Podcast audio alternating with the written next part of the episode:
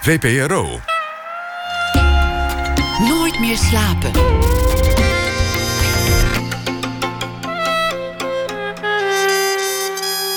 Met Pieter van der Wielen. Goedenacht en welkom bij Nooit meer slapen. Een inclusieve samenleving, gelijke kansen en gelijke behandeling voor iedereen. Dat is het ideaal waar Janet Fase zich al jaren mee bezighoudt. Een van de oprichters van Women Inc. Ze schreef daar een boek over. Iedereen Inc. is daarvan de titel. Iedereen insluiten zonder iemand te schofferen is nog helemaal niet zo makkelijk in praktijk. Dat blijkt ook uit het boek. Een gesprek erover na ene hoort u ook Alexander Munninghoff, schrijver over de schaker Magnus Carlsen. Maar we beginnen met Sandra Van Vos. Zij heeft een roman geschreven. De titel is Schijnvrouw. Een vrouw die leeft naar de verlangens van anderen. Ouders, een verkering, die probeert te voldoen aan het plaatje, maar die uiteindelijk ongenadig vastloopt. Een burn-out en dan ook nog een nabijsterfgeval. Ze moet haar eigen leven leren leiden. Dat is het thema van het boek. Sandra Heerma van Vos uit 1972 studeerde Frans in Parijs en geschiedenis in Amsterdam. Is journalist, werkte veel voor NRC Handelsblad, ook voor de Folk en andere tijdschriften.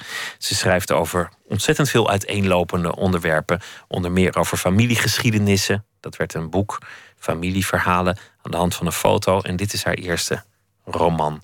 Welkom, Sandra Hirma van Vos. Dank je, Pieter van der Wielen. Als, uh, als, als journalist ga je toch ook een beetje nadenken over de structuur van een interview. En dan komt het voor dat je tegen een redacteur zegt: Nou, begin maar met die familie, want dat is het moeilijkste onderwerp. En dan hebben we dat maar meteen gehad. dan ben ik er vanaf. Het is ook het makkelijkste onderwerp, toch? Ja? Nou ja, het is de buitenkant van, oh ja, die achternaam, waar kennen we die van? Want ik neem aan dat je daar nu. Nou, dat is het een moeilijk onderwerp voor jouw familie? Nee, het is een eindeloos fascinerend onderwerp. Het, het is ontzettend interessant. Maar dat bedoel ik niet alleen mijn eigen, maar in het algemeen. Ik vind familiestructuren echt ongeveer het boeiendste wat er is. Dus daar kom maar door met die vraag. Nou ja, je hebt geschreven over, over je opa, je hebt geschreven over je oma. Ja, je hebt nou dat bedoel over ik maar. Er ligt een schat aan verleden in je familie besloten. Generaties daarvoor. Dus, dus je, hebt, je hebt zelf ook al veel opgeschreven eh, als journaliste over je eigen familie. Maar de, de achternaam Heerma van Vos en dan schrijven, dan denkt iedereen natuurlijk meteen aan de broertjes en de vader. Ja, nou dat is dat. Ja, en dan, wat, moet- wat moet ik dan denken? Ja, wa- wat, wil je, wat wil je dat ik daarover zeg? Ik begrijp dat heel goed. Dat iedereen daar meteen aan denkt. Ja, want het is toch een hele opvallende, rare, lange achternaam. Hij komt niet heel veel voor. Dat een dubbele naam is en iedereen schrijft. En jij schrijft nu ook. Jij bent eh, de dochter van Arend Jan Heerma van Vos.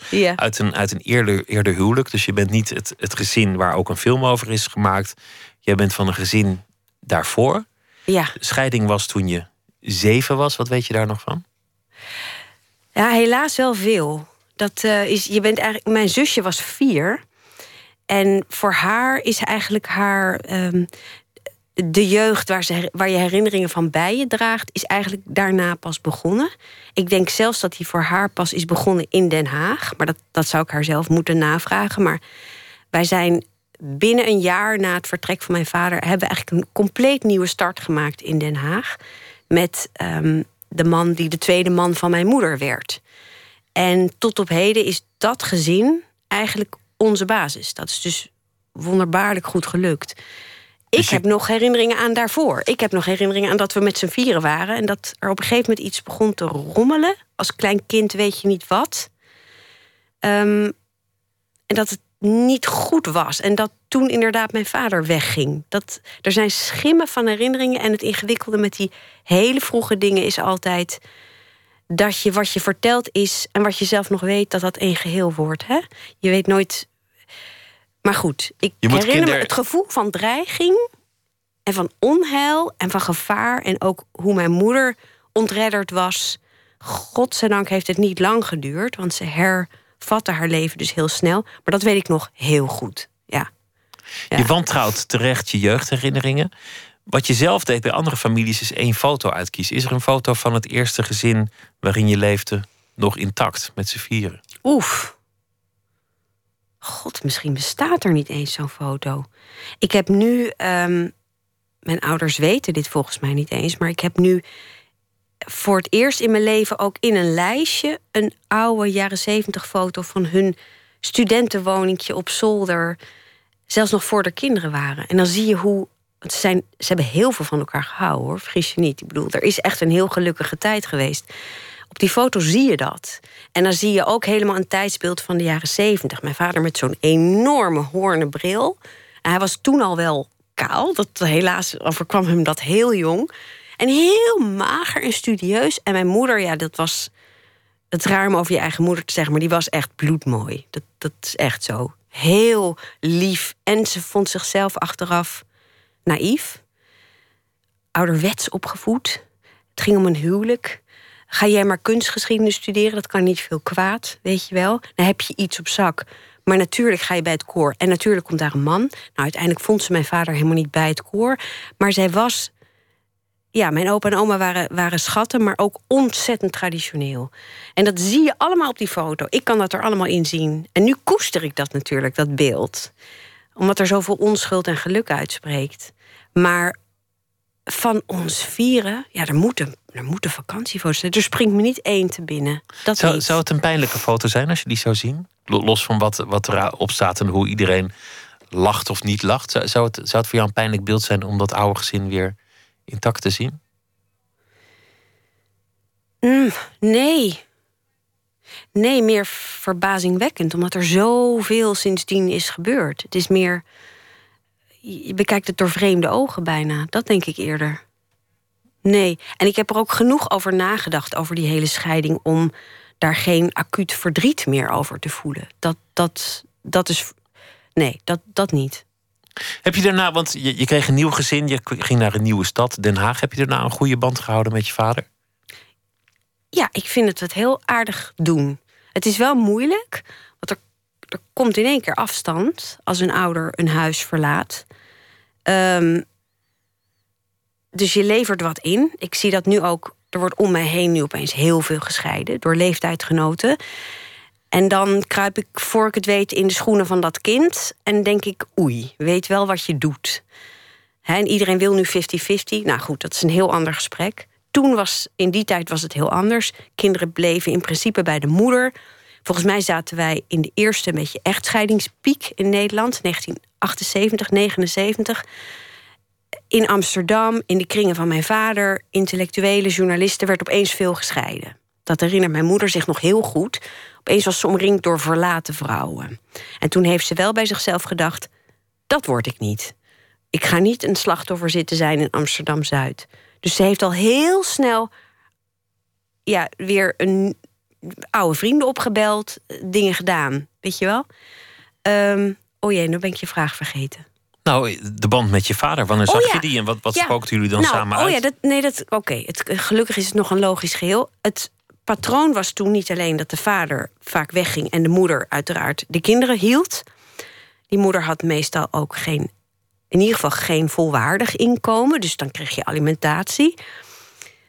En dan kwam er een bezoekregeling. En als ik het vergelijk met vrienden van mij van dezelfde leeftijd, dat had heel vaak dit ritme: om het weekend naar je vader. En ongeveer de helft van de vakanties. En zo hebben wij het gedaan. Tot mijn achttiende, tot ik uit huis ging. Dat ging heel goed. Hij kreeg een nieuw gezin en dat gezin is een bekend gezin geworden. Onder meer omdat er een, film over is gemaakt. Onder meer omdat beide zoons zijn gaan schrijven. Onder meer omdat het een gezin is waar iedereen zich aftroeft in wie de beste, de slimste, de oh. knapste is. Dat was het onderwerp van die film. Dat zijn jouw woorden. Ja. Nou, de, de, de, tafeldiscussies in het huisje in Frankrijk logen er niet om. Iedereen zat elkaar vliegen af te vangen. Och, ik was blij dat ik er niet tussen zat. Ja, echt. Is dat, is dat niet ook pijnlijk dat, dat er een gezin is met jouw achternaam, met, met jouw vader, waar jij geen deel van uitmaakt? Nou ja, dierlijke, instinctieve antwoord is natuurlijk ja. Maar het is vooral pijnlijk als je zelf geen ander gezin om je heen hebt.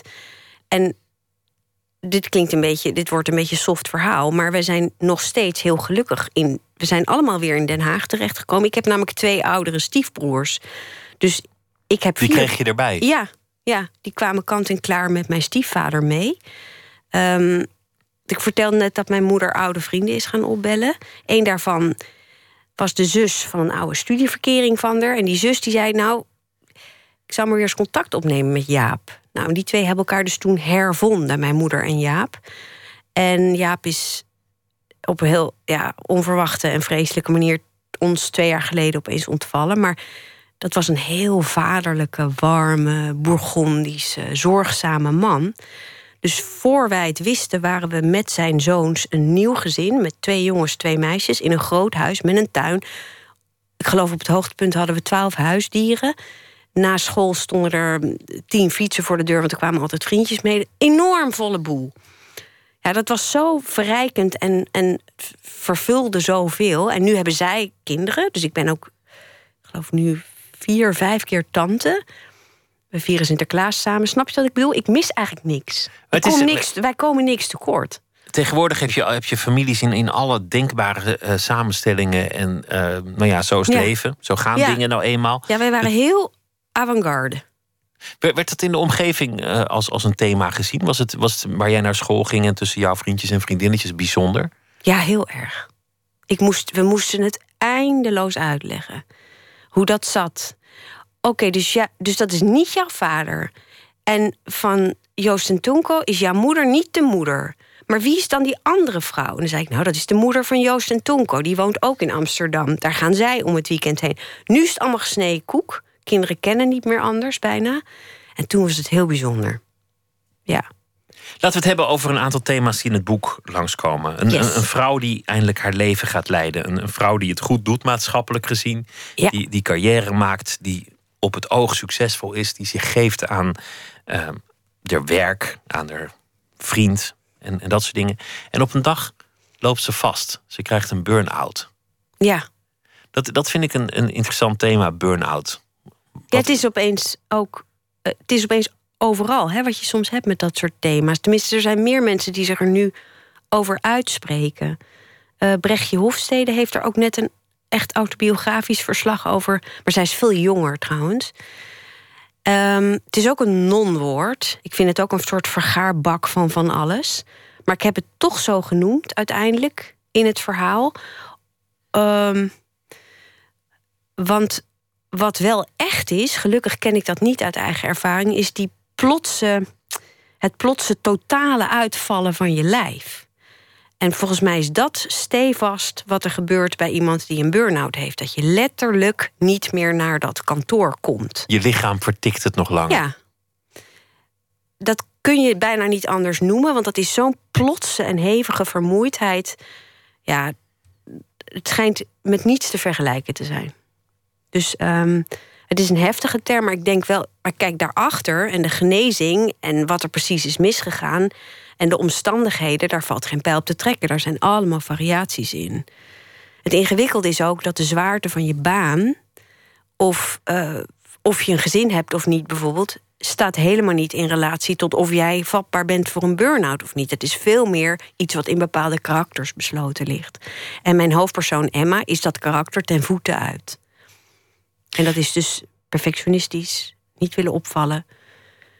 Uh, als ik het maar goed doe, als ik het maar goed doe, als ik het maar goed doe. En dan alles, hè? dus ook boodschappen moet je ook perfect doen van jezelf. Nou, zo gaat dat dan mis. Heel dienstbaar aan haar omgeving. Heel erg uh, alles als een examen zien. Alles goed willen doen, perfectionistisch.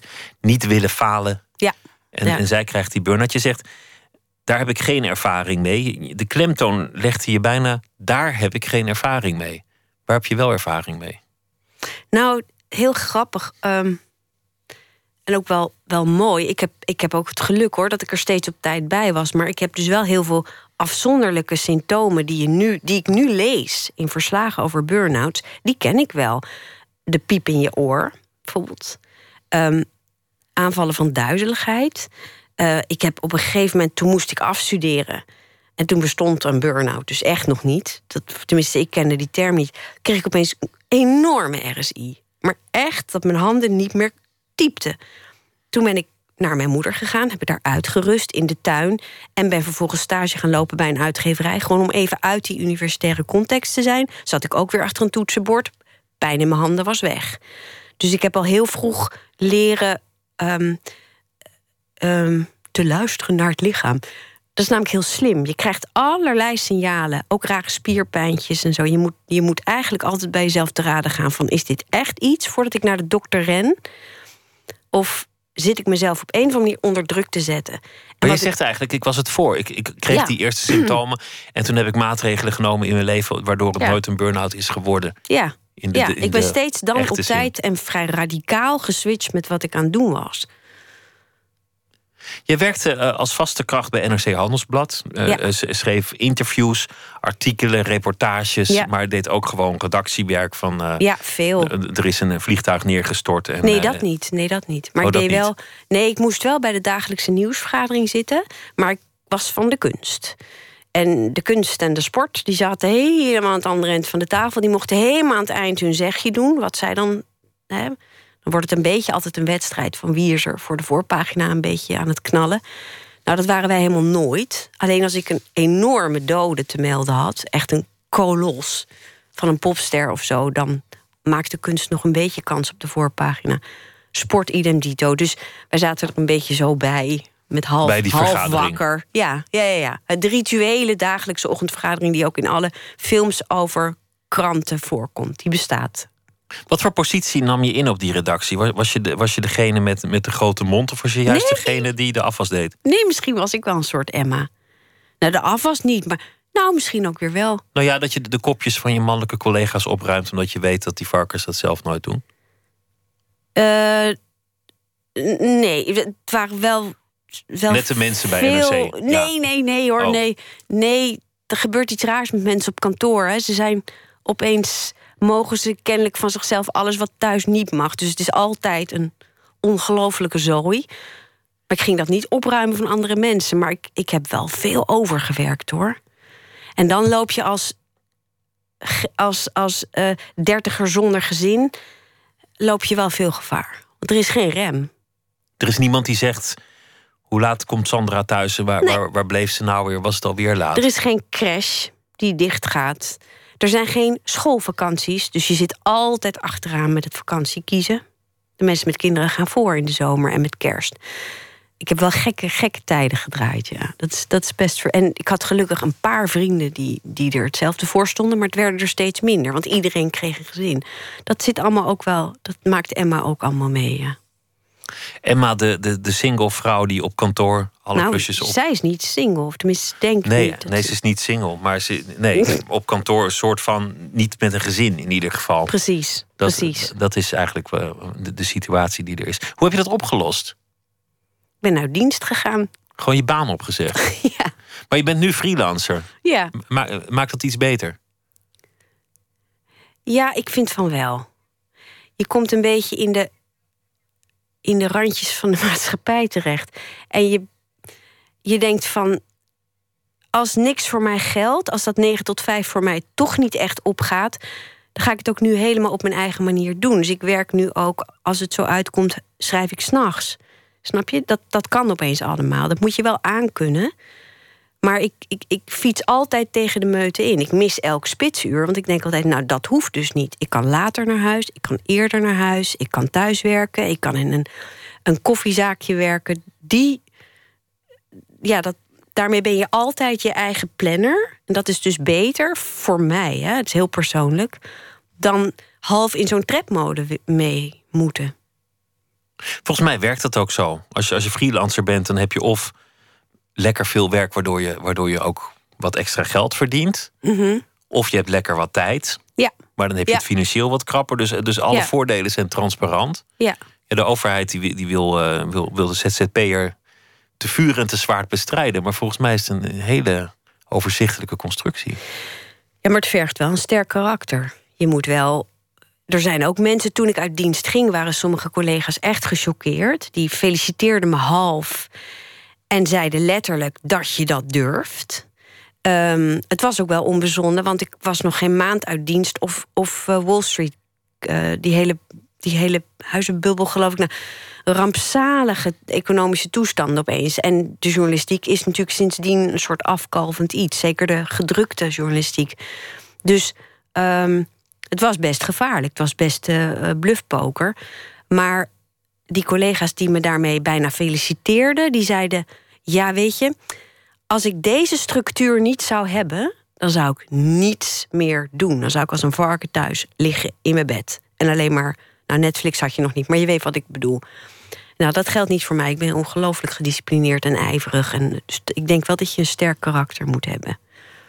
Ik zei, uh, ze is single, maar dat, dat was ze natuurlijk helemaal niet. Het personage in je boek, Emma. Nee, nee, ze, heeft een, ze heeft een vriend, ze heeft een relatie met een man. Maar je kunt Mhm. je wel afvragen, heeft die man ook eigenlijk wel een relatie met haar?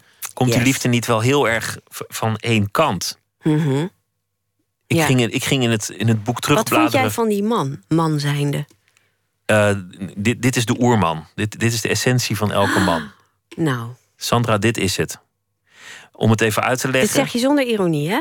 Ik zeg dit nou met, met milde ironie, nou ja, maar met- dit als is, de- beetje als grapje, maar toch. ja, ja, dit is het. Dit is zo mooi als het wordt. Ai, ai, ai, ai, ai. Dat ik dat toch... Nou, dat is Deze een vrouw- enorm compliment. Dank je wel. Deze vrouw is smoor verliefd op die man. Mhm. Maar is Mhm. die man, dat, ja, wat doet hij nou eigenlijk om, om ooit te laten zien dat dat voor hem ook geldt?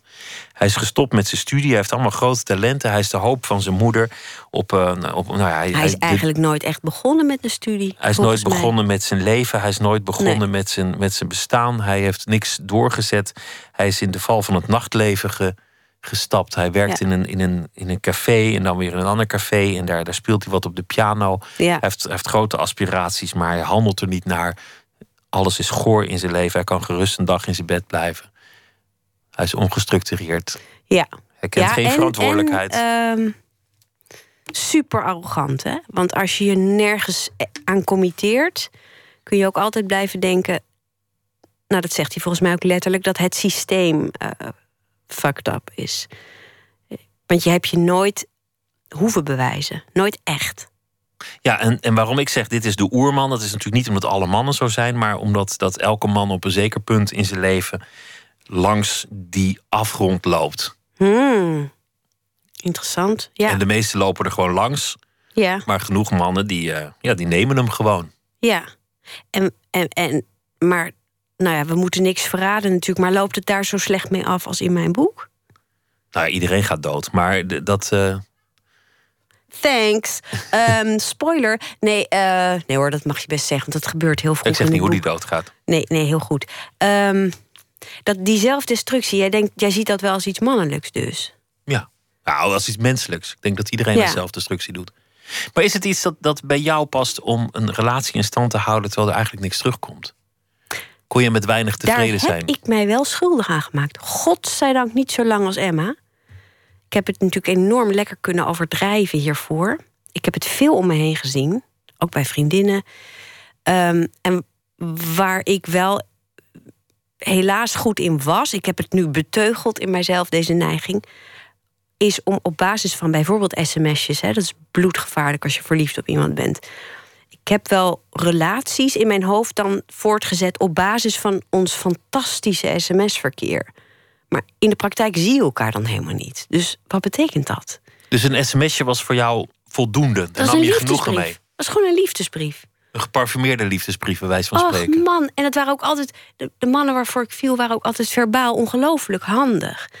En, en, en, en slim. Dus nou ja, op het dieptepunt was er één... die had geloof ik drie andere wijven in de stad zitten. Ik had het bijna niet door, want dan kwam er weer zo'n ping... om tien voor half één met wat heb ik je gemist of zo. Dan was ik, was ik zoet, dan was het alweer goed. Dus dat is puur zelfbedrog natuurlijk. Want op alle cruciale momenten ontbreekt zo iemand dan. Hij steekt eigenlijk geen poot voor je uit. Maar voordat je dat ziet, dat kan wel even duren. Ja, nogmaals, niet zo lang als in mijn boek, bij mij persoonlijk. Maar ik ken het- heel goed, ja. Je kent het Ja. thema, maar wat zegt het over jou? Rijke fantasie. Die je projecteert op het levend wezen. Ja, al snel genoeg hebben aan de suggestie van aanwezigheid van anderen. En nu weet ik inmiddels, ja, wacht even, je bent ook gewoon een Einzelganger. Dat is de realiteit natuurlijk. Je snakt niet zo erg naar iemand dat je denkt, wat is dit? Ik heb alleen maar een sms. Nee hoor, sms, oké, genoeg. Maar dat is ook, Omdat je het erg zo comfortabel vindt dat hij er niet is op de belangrijke dat denk momenten. ik. Dat er denk zou, ik nu, ja. Er zou ook eenzaamheid uit kunnen spreken. Eh, in welke zin? Nou, dat je, dat je zo eenzaam bent dat één sms al Oh ja. genoeg is. Oh, oh ja. Ja. Ja, dat kan. Dat kan. Nou, dat weet je toch wel of je eenzaam bent of niet? Nou, er is een verschil tussen eenzaam zijn en je eenzaam voelen. Hè? Ik koester nu ook mijn eenzaamheid. Dus ehm, dan ben je ook minder vatbaar voor dit soort prikkels. Begrijp je wat ik bedoel? Je hebt alleen zijn en je hebt eenzaam zijn. En je kunt eenzaam zijn op een feest. Ja, je kunt ook eenzaamheid opzoeken en dan is het iets prettigs. Eenzaamheid is niet altijd iets negatiefs. Nee. Of alleen zijn. Maar eenzaamheid in deze context, dan bedoel ik wel dat, dat je gewoon. Dat je zo behoeftig dat bent. Dat je echt alleen voelt. Nee dat, nee, dat kan ik niet op mezelf plaatsen. Want daarvoor heb ik een te veel liefde om mij heen. Om te beginnen al van mijn zus, mijn moeder. Mijn, ja, ja ik heb een heel hecht. En, en, en vriendinnen, weet je, ik heb, ik heb heel hecht kringetje. Dus dat ken ik niet. Is dat wel zo geweest? Is, is er een verlangen geweest naar, naar iemand die in jouw leven daar zou zijn? Die die, die, die rol zou nemen? Natuurlijk, natuurlijk. Dat is er nog. Maar um, uh, ik heb geprobeerd in dit boek ook aan die Emma duidelijk te maken. Ja, alsof ik haar opvoed. Maar daarmee voed je jezelf natuurlijk ook op. Um, dat het slimmer eigenlijk is om niet al je. Hoe zeg je dat? Niet al je verwachtingen aan één mens te koppelen. Ik denk dat dat in het algemeen gewoon slimmer is. Dat je beter je emotionele behoeften en je. Weet je wel, de leuke dingen die je kunt doen met andere mensen, dat je dat allemaal een beetje in ere houdt. En niet alles op één iemand, daar kan diegene nooit aan voldoen. Ik denk dat het ook veel te maken heeft met, met, met een beeld dat je hebt van iets. Hmm. Als je opgroeit, dat je denkt, nou ja, later krijg ik een gezin. Of later komt er, komt er één man met wie ik alles kan delen. Dat, Ja. dat zijn natuurlijk allemaal plaatjes. Ja. Ja. Emma die moet zich losmaken van allerlei plaatjes. Die heeft Ja, allerlei beelden meegekregen vanuit haar jeugd. Waar ze aan moet voldoen. Ja, nog En- veel. eh, Ja, ja, klopt. Heel streng heeft zij het opgelegd gekregen, ja. Ja, zij komt uit een behoorlijk... Nou, ik weet niet... Het is behoorlijk traditioneel wat zij, heeft, wat zij van huis uit aan boodschappen meekrijgt. En daar klopt natuurlijk geen bal van, want zij is ook met alleen haar moeder en haar zusje is ze opgegroeid. Maar toch kunnen ouders heel hardnekkig, met name aan dochters, krijg ik altijd het idee, een beetje opleggen van nou, hè, je bent nu 35, tik-tak, tik-tak. Wordt het niet eens tijd? Dat gebeurt nog steeds. Heb jij daarmee eh, geworsteld in het bestaan? Eh, Beelden, verwachtingen? Ja, vooral mijn eigen, denk ik. Ja. Dat je je. Ja. Net, ik had net nog over met eh, een vriendin. Toen zei ik van. Zie jij jezelf nou als moeder? Want zij is een stuk jonger dan ik.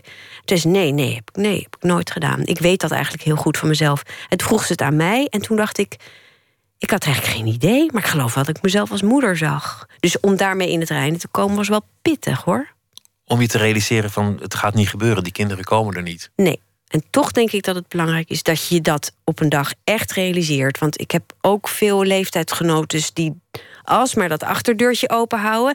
Er kunnen ook de gekste dingen, hè, zo langzamerhand. Ik ben nu 44, het zou nog steeds kunnen. En ik heb een nicht in Engeland. Die heeft na haar veertigste nog een gezin van twee kinderen gekregen. En mijn beste schoolvriendin, die wordt 45 in april... die is ook net voor de tweede keer bevallen. Ik wil maar zeggen, officieel is het, is het dus nog niet voor mij afgelopen. Maar, of afgelopen, maar is deze mogelijkheid nog niet klaar. Maar toch heb ik dat voor mezelf op een gegeven moment besloten. Voor een soort rust. Wat is dan die rust? En wat is dan eigenlijk die onrust dat het nog mogelijk is?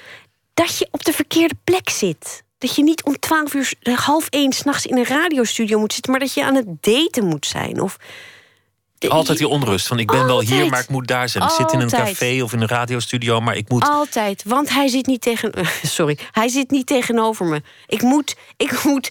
ehm, weet je wat? Het is een soort funda.nl. Ik vind het echt de hel. Maar dan moet je allemaal mannen scrollen en weer afspreken. Wat een ellende zeg. En weer mailen van tevoren, want je moet dat eerst een beetje aftasten. Nou, je weet niets op basis van uitgewisselde berichtjes op internet. Ik vind het echt helemaal niks waard. Want je moet tegenover elkaar komen te zitten. Maar dan heb je toch ook het gevoel dat je, dat je in de uitverkoopbak van de Vibra ligt als je, als je op zo'n datingsite rondscrollt. Ik vind het vreselijk. Zeker voor hoger opgeleiden. Dat is verschrikkelijk. Dan krijg je allemaal nevencriteria van... stiekem, hè, het schijnt ook, ik heb dat wel van mannen gehoord, dat waren wel mooie verhalen. Mannen lijden er ook enorm onder. Die worden zo'n beetje onder een vergrootglas gelegd bij het allereerste afspraakje. Dan gaat zo'n vrouw zitten aftasten. Wat verdient hij ongeveer? Ziet hij er een beetje goed uit? Doet hij een beetje aan sport? Is de pens nog niet te groot geworden? Echt, nou ja, vrij krankzinnig. Zo'n hele eisenlijst, omdat ze alleen maar denken aan een potentiële vader. Dat lijkt me als man ook heel aanmatigend. Ja, verschrikkelijk vind ik dat. Ja, dat vind ik. Dat, uh... Kom, we gaan muziek uh, oh, ja. luisteren. Dat hoort er ook nog bij. Oh ja. En dat uh, is Christon Kloosterboer, ooit zanger van de band Rigby. En nu gaat hij onder eigen naam. En dit is van Kristen en Maxime. En het heet Perfect World.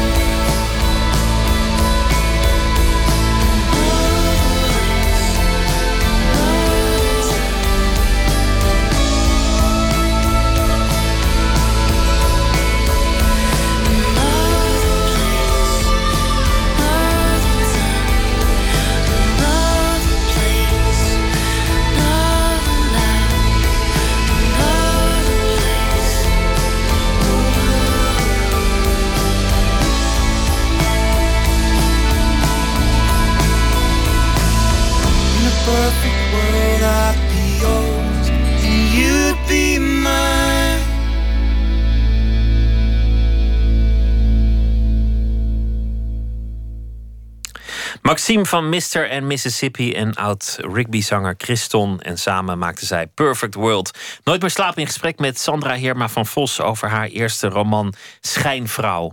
Over een uh, vrouw die de eigen weg moet gaan zoeken in het leven. En de beelden en de verwachtingen en de conventies los moet laten. En los moet leren laten. Een vrouw die leeft voor anderen. En die eigenlijk op sommige momenten heel veel controle heeft. En op andere momenten totaal geen controle heeft. Je zei dat een aantal dingen autobiografisch zijn. De burn-out heb je niet gehad, maar je hebt hem op tijd afgewend. Mhm. Maar altijd als laatste op je werk zitten, dienstbaar zijn aan de anderen, dat heb je wel degelijk gehad.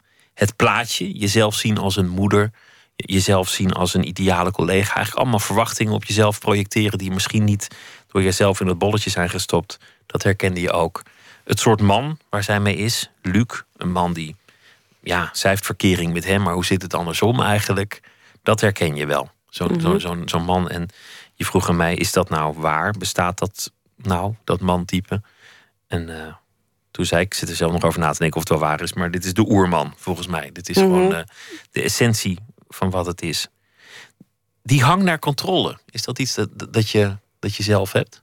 Mhm. De noodzaak Helaas. om dingen te controleren? Ja, het is, het, nou ja, het is natuurlijk ook onzin. Ik, ik, ik vertelde aan het begin volgens mij kort dat mijn stiefvader opeens was overleden. Hè? En dat zijn de soort momenten dat je opeens ziet dat controle een fictie is, natuurlijk. Want dit. ehm dit klinkt als een loodzwaar antwoord, maar zo bedoel ik het helemaal niet hoor. Het leven overkomt je. En dan is er geen, dan is er geen controle je handelt dan wel en je blijkt best goed te weten wat je dan moet doen. Dat is ook zo wonderlijk. Iedereen doet dan van alles. Hè? Dat, ehm, in ons geval, onmiddellijk waren we allemaal bij mijn moeder in dat huis. Onmiddellijk stroomde het huis vol met visite en komen er pannen met eten aan. Het is heel gek. Dus er is wel een soort draaiboek, maar jouw persoonlijke controle, die je dacht te hebben nog één dag daarvoor, van deze dag gaat ongeveer zo verlopen en dit wil ik dan gedaan hebben en ik ga die nog bellen. En als freelancer heb je altijd een lijstje in je hoofd met wat je nog. Dat is allemaal, kan je allemaal weggooien. Het is allemaal weg. Dat zijn louterende dingen. En die helpen je om dat op te geven. Die gedachte dat je alles kunt beheersen, dat je, dat je alles goed kunt doen, dat je alles onder controle kunt hebben. Ja, en die gedachte dat je alles kunt beheersen, dat is mij wel. Ik ben wel. Ik heb daar ook wel met psychologen over gesproken. Nou, niet een heel batterij die ik voor mezelf moest inhuren, maar er is bekend dat die neiging. eh, ehm, of nee, zelfs het idee dat jij dingen bestuurt, eigenlijk vanuit je koppie, dat dat een kinderidee is. En dat kinderen, dat dat heel vaak eh, landt in een kind waar iets ergens, ergens voorvalt in het gezin. Dus bij sterfgevallen heb je het ook heel vaak. Dan denkt een kind, als ik die dag niet mijn blauwe trui had aangehad, dan was papa niet dood geweest. En dat kun je ad, infinitum kun je dat volhouden. Alleen transformeert het dan naar hele andere dingen in je volwassen leven. Maar dat is een hele. het is een, een oergevoel. En het klopt niet. Het lijkt op zelfkastijding, zo'n gedachte. Als ik niet die blauwe trui aan had gehad, was dit niet gebeurd. Als ik voortaan maar controle hou over andere dingen, Ja, en als dan, dan ik. zal het goed gaan. Precies. En als ik het niet doe, dan stort de hele wereld in elkaar. Dus het is ook heel erg arrogant. Of ehm, je dicht jezelf ook een macht toe die je helemaal niet hebt. Maar het is ook lekker om macht te hebben. Het is ook een goed gevoel om ergens goed in te zijn. Een goed gevoel om controle uit te oefenen op de meest Ja, het onnozele is dingen. verslavend voor veel mensen natuurlijk. Om leiding te geven, om dingen te willen manipuleren. Om... Ja, dat speelt zich op alle niveaus af. Waarin uit jouw controledrift zich? Waar had jij controle over? Nou, ik was bijvoorbeeld eindredacteur bij NRC van de dagelijkse kunstpagina. Hè. Toen was het echt nog een broadsheet. Eén pagina per dag, één deadline per dag. Geen website of geen noemenswaardige website. Eh, mijn chef toen, eh, Joyce Roodnat, heeft mij al in een heel vroeg stadium... ik werkte er een paar maanden... eh, echt tot eigenlijk een beetje de, het vaste punt van die pagina gemaakt. Nou, als je daar geen controledwang voor nodig hebt, dan weet ik het niet meer. Want dat betekent niet alleen dat je op tijd een pagina af moet hebben. Maar daar staan acht stukken op. Die worden geschreven door acht mensen. Die moeten precies in hun vorm passen. Die moeten een aansprekende kop hebben. Daar moeten goede foto's bij staan. Dat is echt secondenwerk. Daarbij moet je dat kunnen.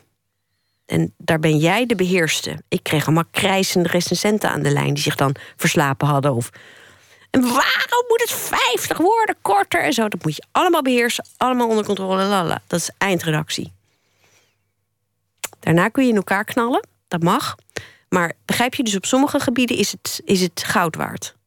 En in je huis was, was, was je heel precies met, met waar je alles neerlegt op, op Eh, het erotische af? Dat ben ik. Tot in extremo. Nee, dat niet. Maar het is wel heel netjes. Nee, maar dat is iets waar je iets lekker makkelijks waar je controle over kunt hebben. Ja, maar is toch ook fijn? Het is heel rustgevend. Wasvouwen. Of ben je, doe je daar niet aan? Nee, nee, natuurlijk niet. Nee, dat vind ik heel fijn. Zelfs s'nachts. Ga ik wacht, wasvouwen en dan bouw je het allemaal een beetje af. En wanneer, wanneer, werd het, wanneer werd het absurd of ongezond? Wanneer ging het te ver, je controledrift? Ik kan je nu niet één concreet voorval noemen, maar ik roep mezelf wel minstens één keer per dag tot de orde van oké, Los. genoeg zo. Ja. Ja. Je personage in, in het boek gaat uiteindelijk dat... Als je het, als je het, als je het eh, je hebt prachtige films over mensen bij wie dat doorslaat. Hè? Jack Nicholson in As Good As It Gets. Dan, dat is natuurlijk zorgelijk. Zoals die man daar, die mag dan van zichzelf niet op de lijntjes lopen op de stoep, geloof ik. En die zit elke dag in dezelfde diner en dan bestelt hij hetzelfde gerecht. Ja, zo. Ik heb ook laatst Rain Man herzien met Dustin Hoffman. En dat is een, hè, er zijn vormen van autisme waarin dat de eerste karaktertrek is. Dat je op een bepaald tijdstip wil hij dan. Eh, en hij wil bijvoorbeeld ontbijten met pannenkoeken met stroop. Maar dan moet de stroop moet op tafel staan voordat de pannenkoeken geserveerd worden. Anders is hij helemaal van de rel. En de reacties van Tom Cruise daarop die zijn dat- hilarisch. Dat lijkt me niet op jou van toepassing. Nee, gelukkig niet. Nee, dat is volgens mij niet jouw... eh, Dat gel- nee, gelukkig model. niet. Maar ik bedoel, die neiging heeft volgens mij hebben heel veel mensen hoor. Zeker maar- als het om het huishouden gaat, dan word je natuurlijk Piet precies. Vaak. Ja, Ja, jij, of- jij niet. Of eten, of, of, of, eh, of, of, of verkeersregels, of nou, ja, noem maar op. Het, kan zich op allerlei manieren precies. manifesteren natuurlijk. Ja. De, het, het uiteindelijke thema is het eigen leven gaan leiden. Het, het script van je leven schrijven. Die beslissing eindelijk nemen om het naar jouw hand te zetten. Nee, ho. Nee, maar dat kan niet. Nee, dat niet hoor. Eh, dat maakbare, daar geloof ik niet in. Het is meer ehm, je beseffen wat jouw pad is. En dat dan ook gewoon gaan volgen. Dat is het meer. Want dat is er al, dat pad. Het klinkt een beetje gelovig of spiritueel. Maar het idee dat je je eigen carrière bijvoorbeeld zou kunnen uitstippelen, dat is, dat is, dat is echt een, dat is een waan. Dat wordt iedereen nu wijsgemaakt. Het is gewoon onzin. Er is ook zoiets als een arbeidsmarkt. Ehm, Ja, het hangt van toeval aan elkaar natuurlijk. van toeval, maar ook van. Ja, laten we het op toeval houden. Maar in ieder geval iets waar jij niets mee te maken hebt.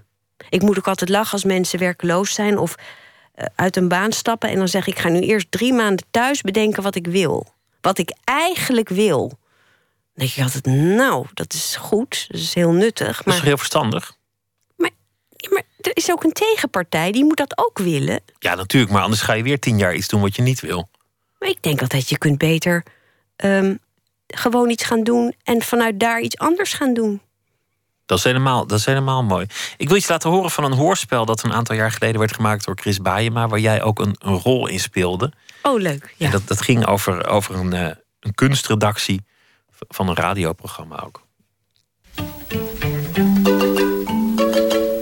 Lisbeth, dat is wel een heel vol moodboard, maar eh, ik ben benieuwd. Ga je gang. Ja, nou, eh, dit is Charlotte, 43, universitair geschoold. Nog geen echt vaste relatie. Eh, ze heeft pas geleden via Facebook weer contact gekregen met een oud klasgenote, Angelique. Eh, Monique bedoel ik. En dat was iemand die haar vroeger altijd intens treiterde. BH's verstoppen met gym en dat soort dingen. Nou, daar heeft ze nu mee afgesproken om haar eens goed de waarheid te zeggen. En hè, te laten zien hoe succesvol ze is. Nou, maar toen ze eenmaal bij elkaar zaten, voelde Charlotte zich opeens weer 14.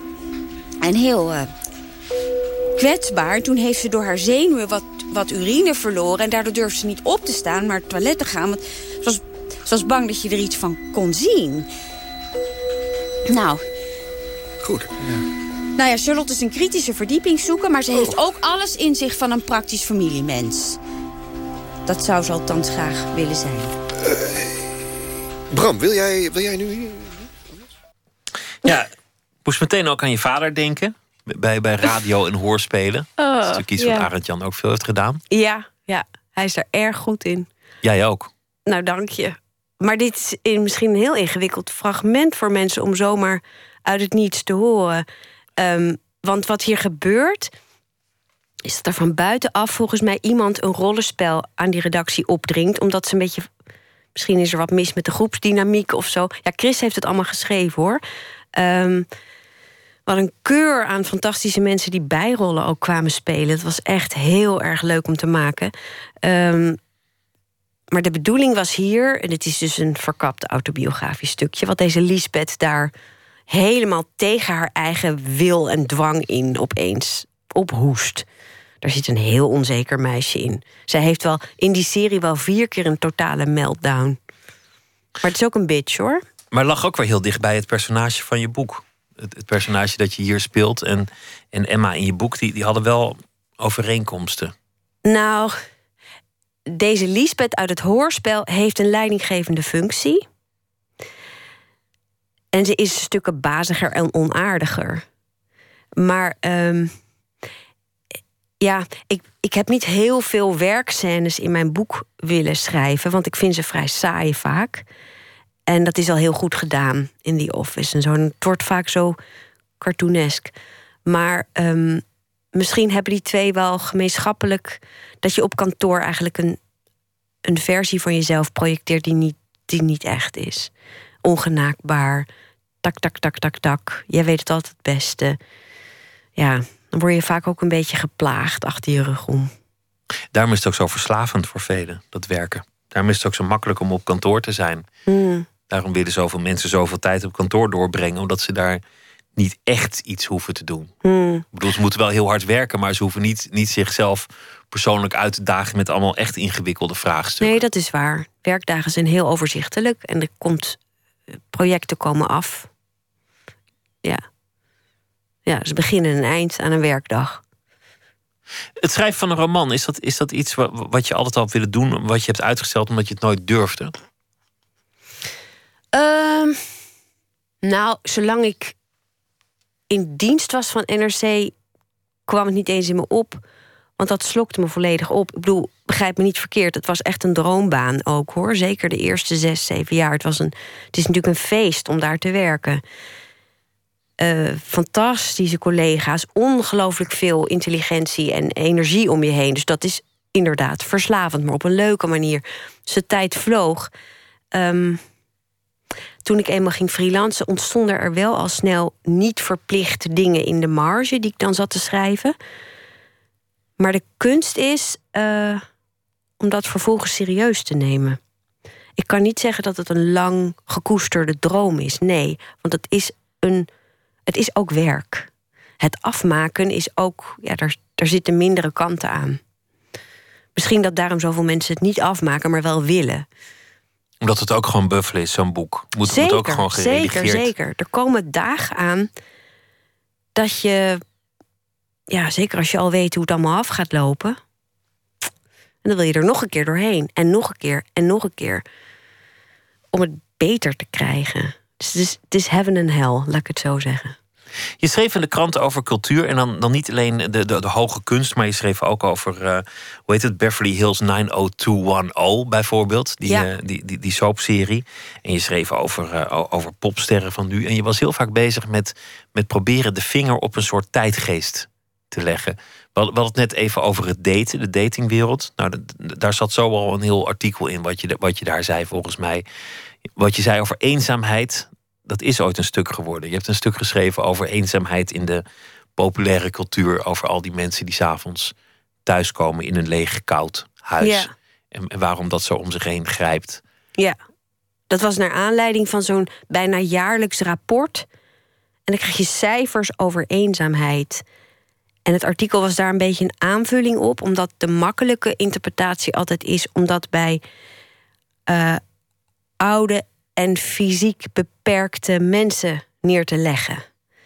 En wat ik op dat moment bes bespeurde en nog steeds, is dat natuurlijk. Maar goed, dit is ook al vaker gezegd door andere mensen. Maar hè, de keerzijde van al dat individualisme van ons is dat. En ook van het stijgend aantal echtscheidingen en zo. Is dat er veel mensen alleen zijn. En helemaal niet altijd um, gewenst. Niet alle singles zijn de happy singles. En niet iedereen is altijd zo blij met zijn drukke baan. Het is ook een schijn die je ophoudt. En in het nieuws komen dan de extreme gevallen van. De 92-jarige Victor krijgt nog maar eens in de zes maanden bezoek. Ja, die is zielig. Maar ja, ik zie ze vaak zo door de mazen van het net. Zie je allerlei zielige mensen van heel allerlei verschillende leeftijden. Gewoon in het openbare leven, in de supermarkt, op brons. Dus dat heb ik in dat stuk proberen te vangen. En dit boek, in hoeverre gaat dit boek over, over de samenleving van nu? Dat weet ik. Mm, even over nadenken. Een vrouw die blijft hangen in een relatie die de moeite niet waard is. Een vrouw die zich laat leven door anderen. Een vrouw die liever aan het beeld voldoet dan dat ze voor het werkelijke bestaan kiest. Ja, ik vind dat heel ingewikkeld. Um, ik vind feminisme nu heel ingewikkeld. Aan de ene kant, zij is een product ervan. Ze heeft kunnen studeren. Ze verdient haar eigen geld. Ze zou helemaal zelfstandig kunnen zijn. Ze zou in haar eentje op vakantie kunnen. Niemand zou er tegenhouden. Maar ze doet het niet. Ze perst zichzelf in veel traditionelere rollen. En dat gebeurt toch nog heel veel. Er is heel veel discussie over: oké, we hebben geen glazen plafond meer, wettelijk. Maar waarom blijft dat dan zo achter? Of waarom hebben vrouwen zoveel moeite met macht? Of die ongemakkelijkheid zit er nog wel in. Dus misschien is het in die zin een modern boek, omdat er nog niets is opgelost. Er is geen duidelijkheid gekomen. Ze, wil, ze eet van twee walletjes. Is dat de, is dat de uitdrukking? Ja. Ja, denk ik wel, ja. Ja, ik zie die, dat innerlijke conflict zie ik bij heel veel leeftijdgenotes. Het is ook een, het is ook een coming-of-age boek over volwassen worden, zij het op wat latere leeftijd. Mm Ja. Echt volwassen, dat je gewoon je, je, keuzes maakt, de verantwoording neemt en niks aan een ander ophangt. Ja. Ja, maar daar worden wel steeds meer mensen toe gedwongen. Hè? Vroeger was het misschien wel makkelijker. Als je je kunt voegen in een huwelijk en in een uh, vaste baan die tientallen jaren voort mag duren. Nou ja, goed, dat, dan worden er ook keuzes voor je gemaakt die misschien wel te groot zijn. De verlossing zit ook voor een deel in, in de cultuur. En dat is volgens mij jouw eigen bestaan ook geweest. Je ging relatief jong naar Parijs. Dat was een grote droom. Dat, die kwam niet helemaal uit, die droom. Nee, wacht. Dus, ik ben twee keer naar Parijs gegaan. Op mijn achttiende was het de hele droom. Geweldig. En daarna was het. Was uh, op mijn zeven. Nou, wat was het? Nee, 40. 41ste was het een hel. Maar dat is een heel ander. Als freelance journalist moet je niet naar Parijs gaan. Laat ik het uh, zo zeggen. Als au pair die naar school ging en studeerde, was het geweldig. Parijs is heel erg leuk als je heel veel geld hebt. Dat ja, geldt eigenlijk voor alle plekken op Als je een rol hebt. Want ik had natuurlijk helemaal geen geld als au pair. Ik woonde acht hoog met alleen koud water. Maar dat jaar vloog voorbij. Dat is als je jong bent, denk ik. Maar, maar die, die hmm. cultuur, want je schrijft vaak over, over allerlei dingen aan de hand van cultuur. Speelt het eigenlijk een grote rol in je leven? Het is jouw beroep om, om films te zien, voorstellingen, boeken, om, om daarmee bezig te zijn. Is dat, is dat ook iets dat, dat jou zelf in je eigen leven uh, verrijkt ja, in persoonlijke zin? Enorm. Ja, ik zou niet zonder kunnen. Dat heb ik van mijn moeder. Mijn moeder is kunsthistorica. Um, ontzettend belezen. Echt een veelvraat. Ik bedoel, daar verbleek ik bij. Dat is echt vreselijk. Ik zeg ook nooit aan haar in welk boek ik bezig ben. Want dan komt er een luchtig zinnetje terug met waarin ze niet alleen dit boek gelezen blijkt te hebben, maar het ook nog even in het oeuvre van die auteur plaatst. Dus dat doe ik gewoon niet meer. Um, dat, ik denk dat ik dat van haar. Nou, mijn zusje heeft het trouwens ook hoor. Dat is ook een enorme filmfanaat. Maar dat is, dat is iets wezenlijks. Ik bedoel, dat is niet iets dat je zegt van, nou ja, uh, het, het echte leven is nog niet begonnen, dus intussen doe ik dit. Dit, dit is wezenlijk. Ja. Films zien en, en boeken lezen en dat soort dingen. Ja. Ja, er is een hele wereld erbij die wij allemaal nodig, die wij alle drie in elk geval. Mijn vader heeft dat ook. Ik heb het met hem heel veel over films. Eindeloos. Misschien zijn dat wel metaforische gesprekken die eigenlijk over iets anders gaan, dat weet ik niet. Maar de weekends dat, die we bij hem doorbrachten, die, die, die stonden ook vaak in het teken van een, een videofilm op zaterdagavond. Dus hij heeft het ook. Waarom heb je dat nodig? Ik weet het niet. Het is iets buiten jezelf. En het verrijkt wat je. Je, je eigen leven is vrij klein. Dus je kunt dan. Je krijgt er allemaal levens bij. Verhalen erbij, ja. En schoonheid, hè? En schoonheid, ja, dat is, dat is natuurlijk ook nog een, eh, een, een, groot, groot thema. Ja, en, ik vind het wel leuk wat je zegt over je vader. Ja, sorry, nu ga ik een vraag aan de interviewer stellen. Dit kan jou niet vreemd zijn. Want jij voedt je ook voortdurend met heel veel. Of is dat alleen maar je beroep? Nee, nee, nee, dat zou ik ook doen. Dat zou, ik bedoel, ik zou, ik zou misschien niet dezelfde boeken lezen altijd, maar dat, dat zou ik ook gewoon doen als, als het niet mijn baantje was. Ja. Alleen dan zou ik nog ergens anders een baan hebben wat, wat weer de tijd ervan af zou snoepen. Ja. ja. En dat zou ik dan als hinderlijk ervaren waarschijnlijk. Ja. Dat ik dan nog naar de administratie van de nu ontmoet. Ja. En dat ik dan daarna pas weer een, een boek kan pakken. Ja. Ja, het is, het is, het is een, een voeding. Het is, ja... Een verrijking. Ik kan alleen maar pleiten voor cultuur. Ik, ik, zou, niet, ik zou niet weten hoe het anders moest. Een enorme kaalslag. Als je aan Trump denkt, bijvoorbeeld, dan haak je naar de actualiteit, dan denk ik ja, wat vindt die man nou mooi? Wat, ja, waar, staat hij, waar staat hij voor op? Behalve dat hij macht wil hebben, dat zie ik wel. Maar... Nou ja, hij houdt van, eh, van vastgoed. En architectuur, moet je dat dan maar noemen. En, uh, en golven. Om zo, zo plat. Mij zegt geld ook veel te weinig hoor. Daarom ben ik misschien niet rijk, maar ik zie het niet. Je boek is er. En uh, gefeliciteerd met het boek Schijnvrouw. Sandra Heerma van Vos, dank je wel. Dank dat je te gast wilde zijn. Dank je wel. Het was leuk, om je te, te ontvangen. We gaan zo meteen verder met uh, Nooit meer slapen. Dan gaan we het uh, hebben over uh, schaken. Want de Noorse Magnus Carlsen is een van de grootste schakers in de geschiedenis. En daar praten we straks over naar aanleiding van een uh, film. En we praten erover met Alexander Munninghoff, die, uh, die schrijver. En we gaan het hebben over uh, inclusiviteit, het grote thema van Janet Vaassen, die een boek heeft geschreven, Iedereen Ink. En zij komt langs in de rubriek Open Kaart. Katelijn Schilder heeft een verhaal bij de voorbije dag. En dat zal ze zo meteen voordragen. Twitter, het VPRO NMS. Facebook zitten we ook nog op. En u kunt zich abonneren op de podcast via iTunes of de website van de VPRO, vpro.nl slash nooit meer slapen.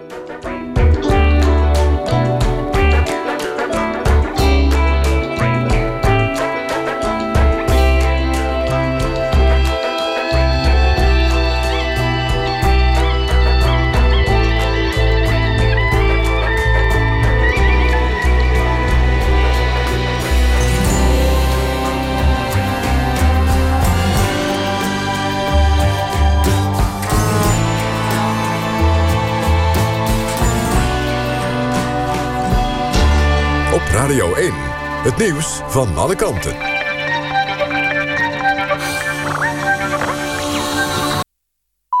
1 uur, Lot Lewin met het NOS Journaal. De gemeente Amsterdam doet onderzoek naar twee doden tijdens de stroomstoring van vandaag. Een vrouw van 83 overleed vanmorgen nadat haar zoon niemand te pakken kreeg toen hij 112 belde. De huisarts kreeg hij wel te pakken, maar te laat. Een andere vrouw overleed waarschijnlijk omdat haar zuurstofsysteem uitviel. De gemeente onderzoekt nu of er een verband is tussen de dood van de twee vrouwen en de stroomstoring. Summer Zervos, een vrouw die de aankomend president Donald Trump beschuldigt van seksuele intimidatie, spant een proces tegen hem aan. Zervos kwam in contact met Trump via zijn tv-programma The Apprentice. Ze zegt dat ze in die periode door hem is aangerand. Trump heeft altijd ontkend en noemt haar een leugenaar. Zervos vindt dat hij dat terug moet nemen en moet toegeven dat hij de fout in is gegaan. TBC-patiënten lopen minder risico op gehoorschade als de behandeling op individueel niveau wordt aangepast. Dat hebben onderzoekers van het Universitair Medisch Centrum in Groningen ontdekt. Tuberculosepatiënten lopen nu vaak gehoorschade op door langdurig gebruik van antibiotica. Door eerst te kijken naar het resistentieniveau van de ziekmakende bacterie, kan bij sommige patiënten de dosering omlaag. De eerste gorilla die ooit in een dierentuin geboren werd, is overleden. Het vrouwtje Colo leefde in een dierentuin in Amerika. Haar geboorte 60 jaar geleden was wereldnieuws... omdat het nog niet eerder gelukt was om een gorilla in gevangenschap ter wereld te laten komen. De dierentuin noemt Colo een ambassadeur voor haar soort... omdat ze mensen heeft geïnspireerd om meer te weten te komen over deze bedreigde diersoort. En dan het weer. In het noorden geldt code geel vanwege de dichte mist. De temperatuur varieert van min 1 aan zee tot min 5 in het binnenland. Morgen in het noorden bewolkt en net iets boven het vriespunt. In het zuidoosten blijft het wel matig vriezen. Dit was het NOS Journaal. NPO Radio 1. VPRO. Nooit meer slapen.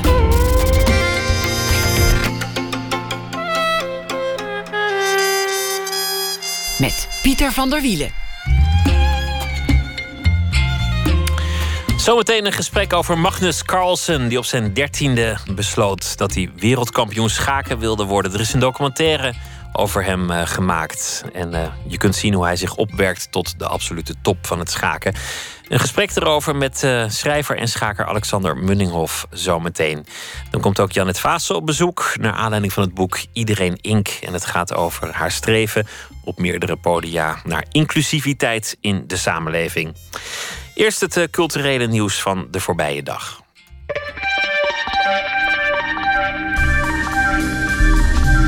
Wat er vandaag allemaal gebeurde, min of meer. Bekend werd dat de Belgische striptekenaar Pascal Garé is overleden. Een van de belangrijkste tekenaars van De Smurfen. En van strips over de kleine superheld Steven Sterk. Hij zou vandaag, 17 januari, 52 jaar oud zijn geworden. Dit werk is niet van mij, ik heb het niet gemaakt. Ik ontken, ik wijs het af en dit is nepkunst twitterde de Amerikaanse kunstenaar Richard Prince vandaag over het kunstwerk dat hij drie jaar geleden maakte voor Ivana Trump. Prince die zet zich daarmee af tegen het naderende presidentschap van haar vader op een manier zoals eh, Donald Trump het zelf ook zou kunnen doen. De eerste artiesten die zullen optreden deze zomer op het North Sea Jazz Festival zijn bekendgemaakt. Jamiroquai is een opvallende naam. De Britse band rond uh, zanger J.K. was zes jaar niet meer te zien op een festival. Verder Herbie Hancock, Mavis Staples en Jamie Lydell. Die komen allemaal naar Rotterdam begin juli. En dan is er nog eh, cultureel nieuws dat eh, eventueel iemand uit de slaap zou kunnen houden. Uit onderzoek blijkt dat uh, slechts 27% van de woorden in de top 10 van grootste Amerikaanse films in 2016 door vrouwen werd uitgesproken. Met andere woorden, vrouwen hadden minder rollen en kleinere rollen. Aan de telefoon Joyce Roodnat, cultureel commentator bij NRC Handelsblad. Je twitterde vanavond dat je gechoqueerd bent door dit bericht. Waarom precies? Nou, eh, ik ben sowieso gechoqueerd doordat het maar 27% is. Maar de films, er zijn twee films waar iets meer vrouwen in zitten dan, dan in de rest van de films. En de een is, Finding Dory, dat is de vrouw een vis. En de andere waar dan toch wat vrouwen in zit, heet Zootopia. En daar is de vrouw een konijn.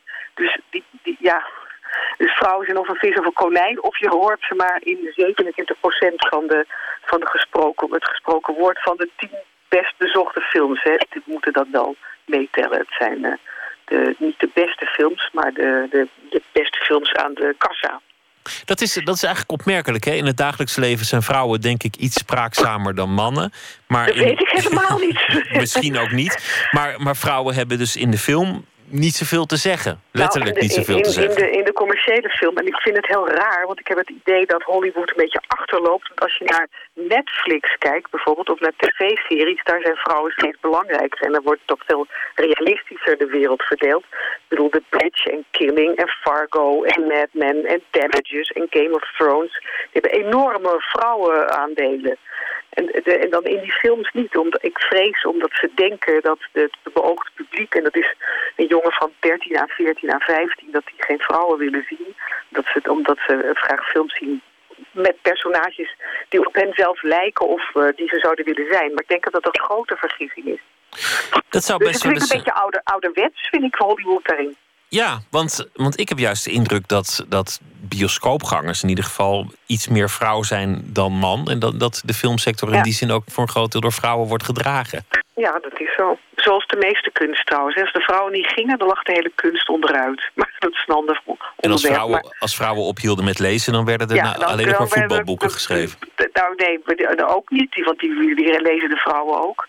Maar uh, ik, ik, je ziet het trouwens al een beetje veranderen. De, de, wat in deze, uh, nog weer een tekenfilm die op dit moment uh, draait... en door alle kinderen en grote mensen leuk gevonden en wordt. Die heet Vajana en dat gaat over een meisje. En een, en een, een heel grappig meisje. En dat, uh, daar, daar is, ik denk dat daar wel 50% van het gesproken woord, als je de kip meetelt, door, de, door vrouwen wordt gesproken. Maar ik vind het inderdaad chockerend hoor. Ik heb niet voor niks getwitterd. 27% vind ik wel heel weinig. Want dan weten we ook nog niet eens wat die vrouwen zeggen. Uh, in deze film zeggen die vrouwen, uh, denk ik vaak uh, ja, nee... en zal ik even de koffie opzetten of iets dergelijks. Het is, ja, ik, zit, ik zit er toch, toch een beetje over aan, aan, mijn, aan mijn hoofd te krabben. Want dan kan ik me voorstellen dat bepaalde genres zoals actiefilms... dat daar weinig vrouwen in aan het woord komen. Omdat het ook een soort, soort cliché is nou dat je Batman zit hierbij, dat kan ik me ook voorstellen. Maar dat Rogue One, dat is een Star Wars film... die werd juist enorm verkocht met dat de hoofdpersoon een vrouw is. Uh, um, en, en, daar werd ook protest tegen aangetekend tegen de Star Wars fans. Die vonden dat dat niet kon. En daar is inderdaad een vrouw een hoofdpersoon, maar die heeft nauwelijks iets te zeggen. Die wordt omringd door mannen die dan het woord doen en die de actie bepalen. Dus, dus het, is, het is ook bedrieglijk, die, die, die uh, opkomst van vrouwen in dit soort films. Die, die, ze, ze, doen net alsof dat zo is. In die zin denk ik dat ze meeleunen met wat tv-series al lang doorhebben. Maar, maar ze durven het niet. Ze vinden het eng. Ze zijn bang dat ze afgerekend worden aan de kassa. Ik zal nooit meer hetzelfde naar een film kijken, vrees ik. Want, want zo kijk je natuurlijk niet naar een film van, van zijn de vrouwen wel aan het woord gekomen. Ik ook niet, maar ik zit me er wel eens, ik, ik erger me er wel aan. Ja, niet zo raar, denk ik. Nee. Uh, en zeker met zo'n Star Wars film denk ik later nou. Laat gewoon een hoofdpersoon zijn. En niet alleen maar uh, een beetje uh, ja, iemand die in het centrum staat, maar verder niks te doen heeft.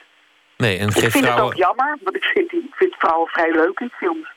Ja, en er zijn, er zijn, er zijn veel goede actrices en die kunnen heel veel meer aan dan alleen... Uh, oh, Superman, ja, wat ben je toch sterk en knap. Ja, maar, ik, maar Hollywood zal op zijn schreden, schreden terugkeren. Zoals die tv-series aanzien. Die hele populaire series gaan heel veel over vrouwen. En niemand heeft daar last van. En die series worden ook bekeken door mannen. Ja, nou, wonderlijke statistieken. Dank uh, dat je er iets over wilde zeggen, Joyce Roodnat. Okay. Goeienacht. Goed, dag. Dag.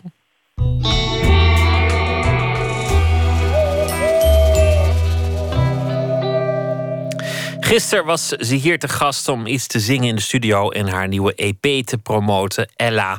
En we gaan nu luisteren naar een nummer van die EP, While You Are Away.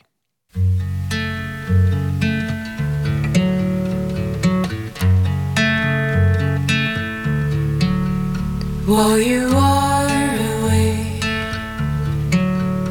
there's no need to talk.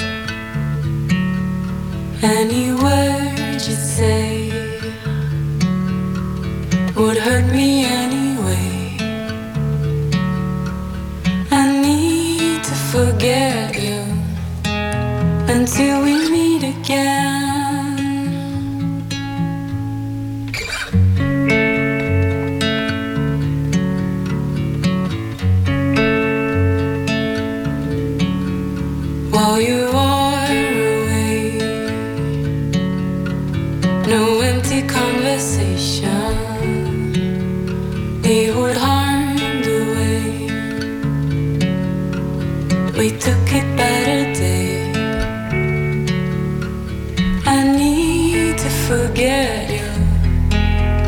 Until we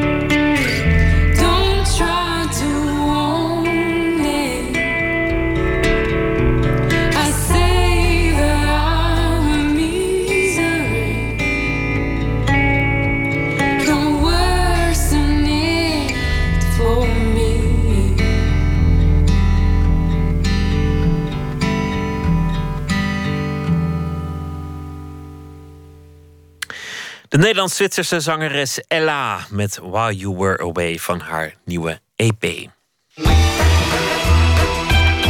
Nooit meer slapen. Een droomrig Noors jongetje dat zich niet zo thuis voelt in de bergen, gepest wordt op school omdat hij anders is en zo begon het leven van Magnus Carlsen. Later zou hij als jongeman wereldkampioen schaken worden. Geen schakers in de familie, niet een heel duidelijke training volgens gebaande paden. Het is eigenlijk een onwaarschijnlijk verhaal. En dat is te zien in de documentaire Magnus, die deze week in de bioscopen te zien zal zijn. Matthijs Deen die zag de film al en ging er naartoe met Alexander Munninghoff, schrijver en schaker en ook auteur van boeken over Donner, Euwe en Fischer. Het is een documentaire waarin je kan zien hoe Magnus Carlsen, een Noors, dromerig jongetje dat op de lagere school door een roedel klasgenootjes gepest wordt omdat hij zo anders is en goed kan schaken. Als 13-jarige tegenover Kasparov zit en hem zo in de problemen brengt dat hij er nog maar net gelijk spel uit kan spelen. Tot een jongeman die naar India afreist om daar de wereldkampioen Adnan te onttronen. This is it. And we have, a, world new world champion. Unbelievable. Magnus Carlsen. It's a talent that comes from another universe quite soon. I mean, he calculated it till the very end. De documentaire portretteert niet alleen Magnus en zijn zorgzame vader maar stelt ook een benadering tot schaken aan de orde... waarbij de intuïtieve speler Magnus het uiteindelijk wint... van de calculerende speler Adnan. Die vooral leunt op door computers aangereikte doorrekeningen... van mogelijk spelverloop. De intuïtieve benadering die een enorme aanwezigheid van genie doet vermoeden... in een jongen die vooral graag Donald Duck leest... het heeft hem de bijnaam opgeleverd... de Mozart van het schaken. Ja, dat vind ik onzin. Dat, vind ik, dat heb ik altijd zo'n rare kreet gevonden. Ik, ik althans bij Mozart veel, veel sprankelender associaties dan bij het spel van, van, uh, van Carlson. Dat vind ik eerder effectief dan dat ik het uh, mooi en opwindend vind. Zoals uh, Taal bijvoorbeeld, Michael Taal. Oh, en Kasparov. En Karpov eigenlijk ook. Dat vond ik ook een prachtige partij. Schrijver Alexander Muringhoff. Niet alleen zelf een getalenteerd schaker natuurlijk... maar ook auteur van boeken over Donner, Euwe en Fischer... heeft zelf aan lijf en geest mogen ondervinden... hoe het is om tegen Magnus Carlsen te schaken. Ja, en dat ging ontzettend goed. Ik, uh, na zet of 15 uh, stond ik opeens een pion voor... met een hele goede stelling. Dus iedereen begon als een beetje... Maar toen kreeg ik de, de verwerpelijke ingeving... om hem remise aan te bieden. Dus ik zei tegen hem, uh, can I offer you a draw? En toen zei hij, uh, keek hij me zo aan... en toen zei hij, yes, you may. And you have a better position. But we will fight. Nee, lafback was ik. Dat merkte ik natuurlijk ook meteen. Want, want ja, waarom bood ik dan die remise aan? Wat is dat voor een flauwekul? Nou ja, omdat, omdat ik kennelijk laf ben. Maar als het dan ook nog wordt geweigerd, is het helemaal natuurlijk vernietigend. Dus ik heb vier zetten later maakte ik een beslissende blunder en hij won toen achter elkaar. Maar ik vond dat echt grote klasse van hem. Dat hij dus gewoon echt een wereldkampioen.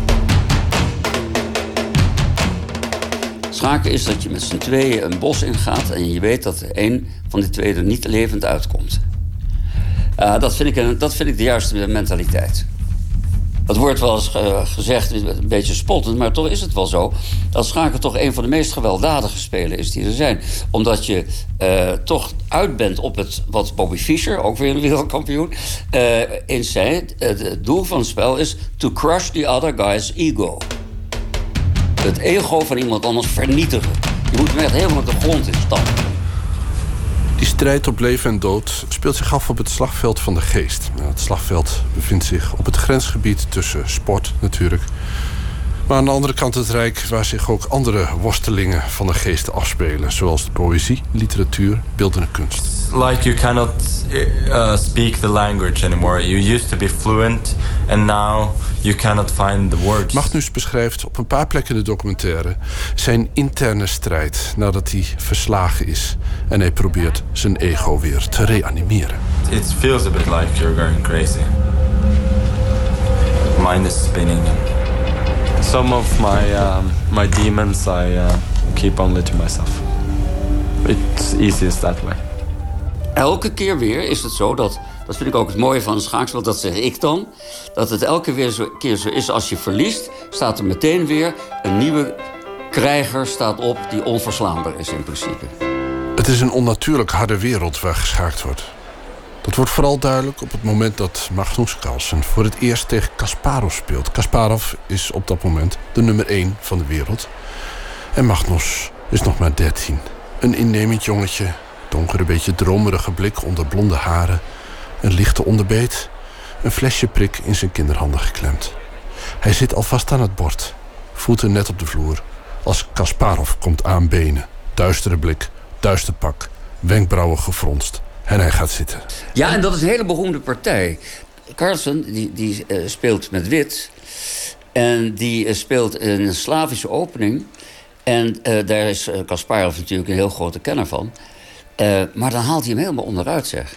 Dan komt hij echt zwaar gewonnen te staan. En Kasparov heeft dan echt zijn aller moet de allerdiepste zakken van zijn, van zijn tactische kunnen uh, graaien... om nog, nog net de remise uit te slepen. Die Kasparov was op dat moment... Hij was nummer 1 volgens mij. Ja, ja. En Magnus was nummer 786. Ja, ja, en hij was 13. Ja. Dan komt dus een jongen van 13 tegenover je te zitten. Kan je daar niet een beetje aardig tegen doen? nee, daar moet je juist extra gemeen tegen doen. Uh, kijk, in het schaak is het zo... de kreet vrouwen en kinderen eerst betekent dat die als eerste gewoon genadeloos van het bord af moeten worden gemaaid. ja, dus uh, niks geen... Uh, nee, je moet juist... En je moet verdomd uitkijken natuurlijk, als je als Kasparov. Uh, want kijk eens, het is ja, nummer 700 zoveel. Bij de beste duizend spelers ter wereld. Ja, die, die kan je, daar, kun je je zomaar tegen vergissen. En dat gebeurde ook in die partij. Niet, nou, niet eens echt vergissen. Hij werd in het begin echt overklast. When I see a chess position, I always have... Uh... some idea very quickly of what I should do, and I can see these things immediately where other people see chaos. Pieces uh, appear on the on the squares in, in the blink of an eye. It happens uh, automatically. Nee, schaken is absoluut heeft een sterk kunstzinnig uh, element. Het is mooi als je de, de, de genoegdoening die je hebt als je een mooie partij hebt gespeeld. Uh, met, met niet al te veel fouten. Ik denk dat dat echt te vergelijken valt met wat de schilder beleeft als hij een mooi doek heeft gemaakt. Of als je een mooi boek hebt geschreven of wat dan ook. Dan. Dat is echt wel daarmee te vergelijken. De documentaire volgt de gang van het kleine afwezige jongetje in een Noors gezin. Naar de jonge man die naar India afreist om daar in diens eigen stad de wereldkampioen Anand te ontmoeten. Tegen die tijd heb je Magnus al leren kennen. Maar eigenlijk ook weer niet. Hij houdt zijn demonen binnen, zegt hij zelf. Hij is schutterig in de omgang, dat ziet iedereen. Hij is zelfs voor een Noorderling nogal kort van stof. Everything looks good so far and um, I'm looking forward to, um, to the match um, starting. En hij is aan het bord, nu en dan zelfs ongemanierd. Hij kijkt zo'n beetje van het bord af, ook heel vaak. Uh, wat eigenlijk tegen, een beetje tegen de etiketten is. Als je ostentatief aan het bord gaat zitten, maar dan de andere kant op kijken. Dat is ook niet echt dan. Hè? Maar daar kan hij zich, dat, dat, dat hoort nou kennelijk bij dat concentratieniveau. De eerste keer dat hij Anan ontmoet, ja. kijkt hij hem ook niet aan. Nee, kijkt hij niet aan. Nee. Ze geven elkaar geen hand. Nee, dat vond ik ook heel vreemd. Dat weet ik eerlijk gezegd niet meer waarom dat nou weer was. Nou, misschien hadden ze elkaar al eerder een hand gegeven. Dat we de, dat, is, maar je ziet ook dat Magnus hem niet aankijkt. Nee, dat Vier partijen lang. Ja. Pas in de vijfde partij, op het moment dat hij op voorsprong staat... Ja. dan ja, gaat hij ja, aankijken. Gaat hij kijken. Ja, ja, dat is, ja, dat is zo. En wat is dat? Is dat angst? Nou, dat wou ik net zeggen. Dat denk ik dus, ja. Dat denk ik dat je dus... Uh, die, die, die oogconfrontatie is vaak... Je geeft jezelf toch bloot als je elkaar aankijkt. Het leven van een, van een topschaker... dat is, dat is voor, voor gewoon mensen is dat een beetje belachelijk bijna. Dat je al dat soort dingen afschermt. I'm, I'm not one of those, in lack of a better expression, borderline nutcases. But uh, I, uh, I, I think I am naturally more, more introvert than extrovert, yeah. Hij zegt, ik ben niet zo'n borderline nutcase. Wat vind jij? Nou ja, dat, nee, dat vind ik ook niet. Dat, uh, daarvoor heeft hij, hij heeft ook wel een gevoel voor humor en zo. En je ziet hem ook in die film af en toe jolig uitschieten, zeg maar. Ja. Uh, dus uh, dat doet een borderline nutcase doet dat niet. Maar, maar hij maakt soms wel erg, nou, wat ik zo even al zei... toch een wat autistische indruk toch wel. En nou ja, op een gegeven moment zal er wel iemand komen die hem gaat, gaat onttronen. En dan uh, is het natuurlijk wel het moment aangebroken dat hij zich misschien wel socialer moet gaan opstellen. Eventueel een vriendin of zo, of wat dan ook, dat soort dingen. Het lijkt alsof een carrière als grootmeester schaken... dat dat het binnenlopen is van een soort doodlopende steeg. Zie je dat ook? Mm, ja, dat, uh, waar het niet dat het schaakspel op zichzelf natuurlijk onuitputtelijk is. Hè? Dus je kunt, uh, het is niet zo dat je op een gegeven moment kunt zeggen... ik heb nu alles bereikt. Oké, nee, je, je, je, loopt geen steeg in, je loopt een labyrint in. Ja, een labyrint, dat is veel beter. Ja. En op den duur ben jij niet meer te vinden? Ben jij niet meer te vinden, ja. Dat vind ik een hele goede omschrijving, ja. Als je het zover laat komen. Alexander Munninghoff was dat over de wereldkampioen schaken Magnus Carlsen. Een bijdrage van Matthijs Deen. En uh, Carlsen speelt deze dagen in Wijk aan Zee. En de documentaire over zijn wonderlijke talent draait eind deze week in de bioscopen. En de naam daarvan is Magnus. Amerikaanse blues en soul van Ronnie Baker Brooks. Er komt een nieuw album aan, Times Have Changed. En zo heet ook het nummer.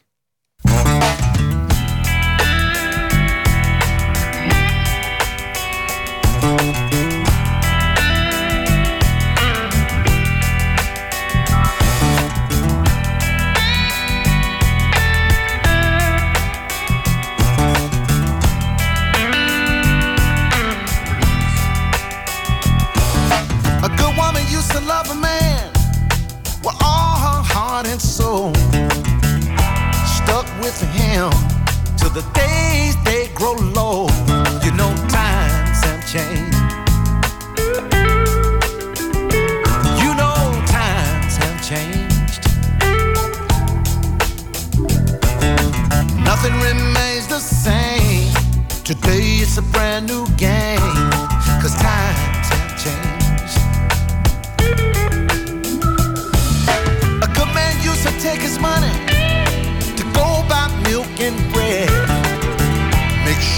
His babies were all at home and fed. You know times have changed. You know times have changed. Nothing remains the same. Today is a brand new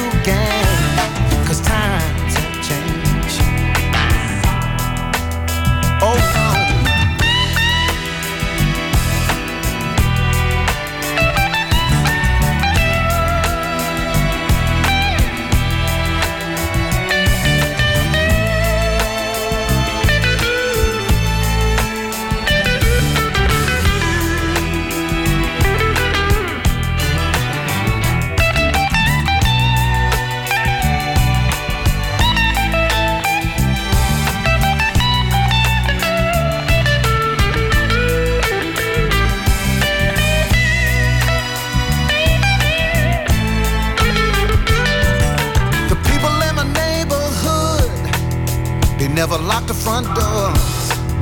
The neighborhood has changed. We can't do that no more. Cause times have changed.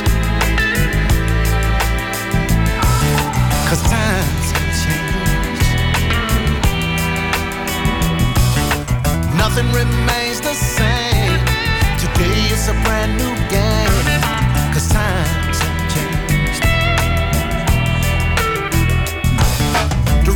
keep on getting richer. We can't feed our poor. The whole wide world about to go to war. Cause times have changed. Mm-hmm. Times have changed. Nothing remains the same. Today is a brand new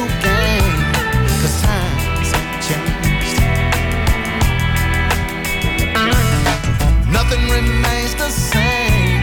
Today is a brand new game. Times have changed.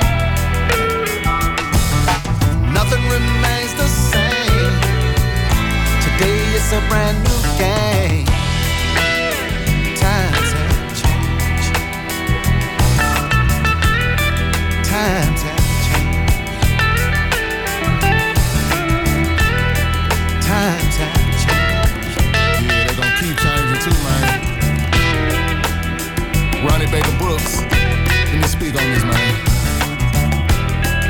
on this loud, reminiscing, man. They used to call the reefer, that's how times change.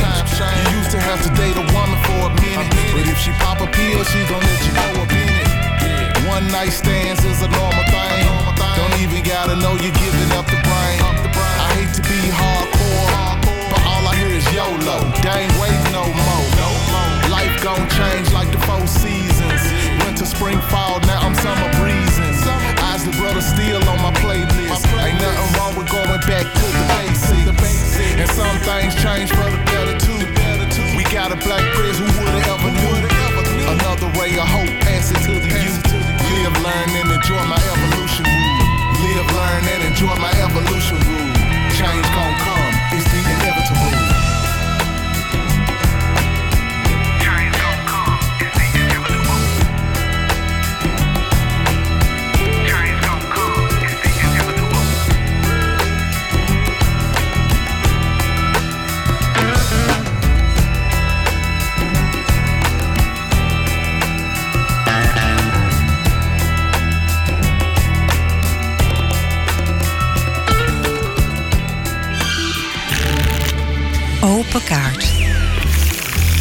De rubriek heet Open Kaart en de gast trekt kaart uit een bak met 150 vragen over werk en leven. Jeannette Vase is hier te gast.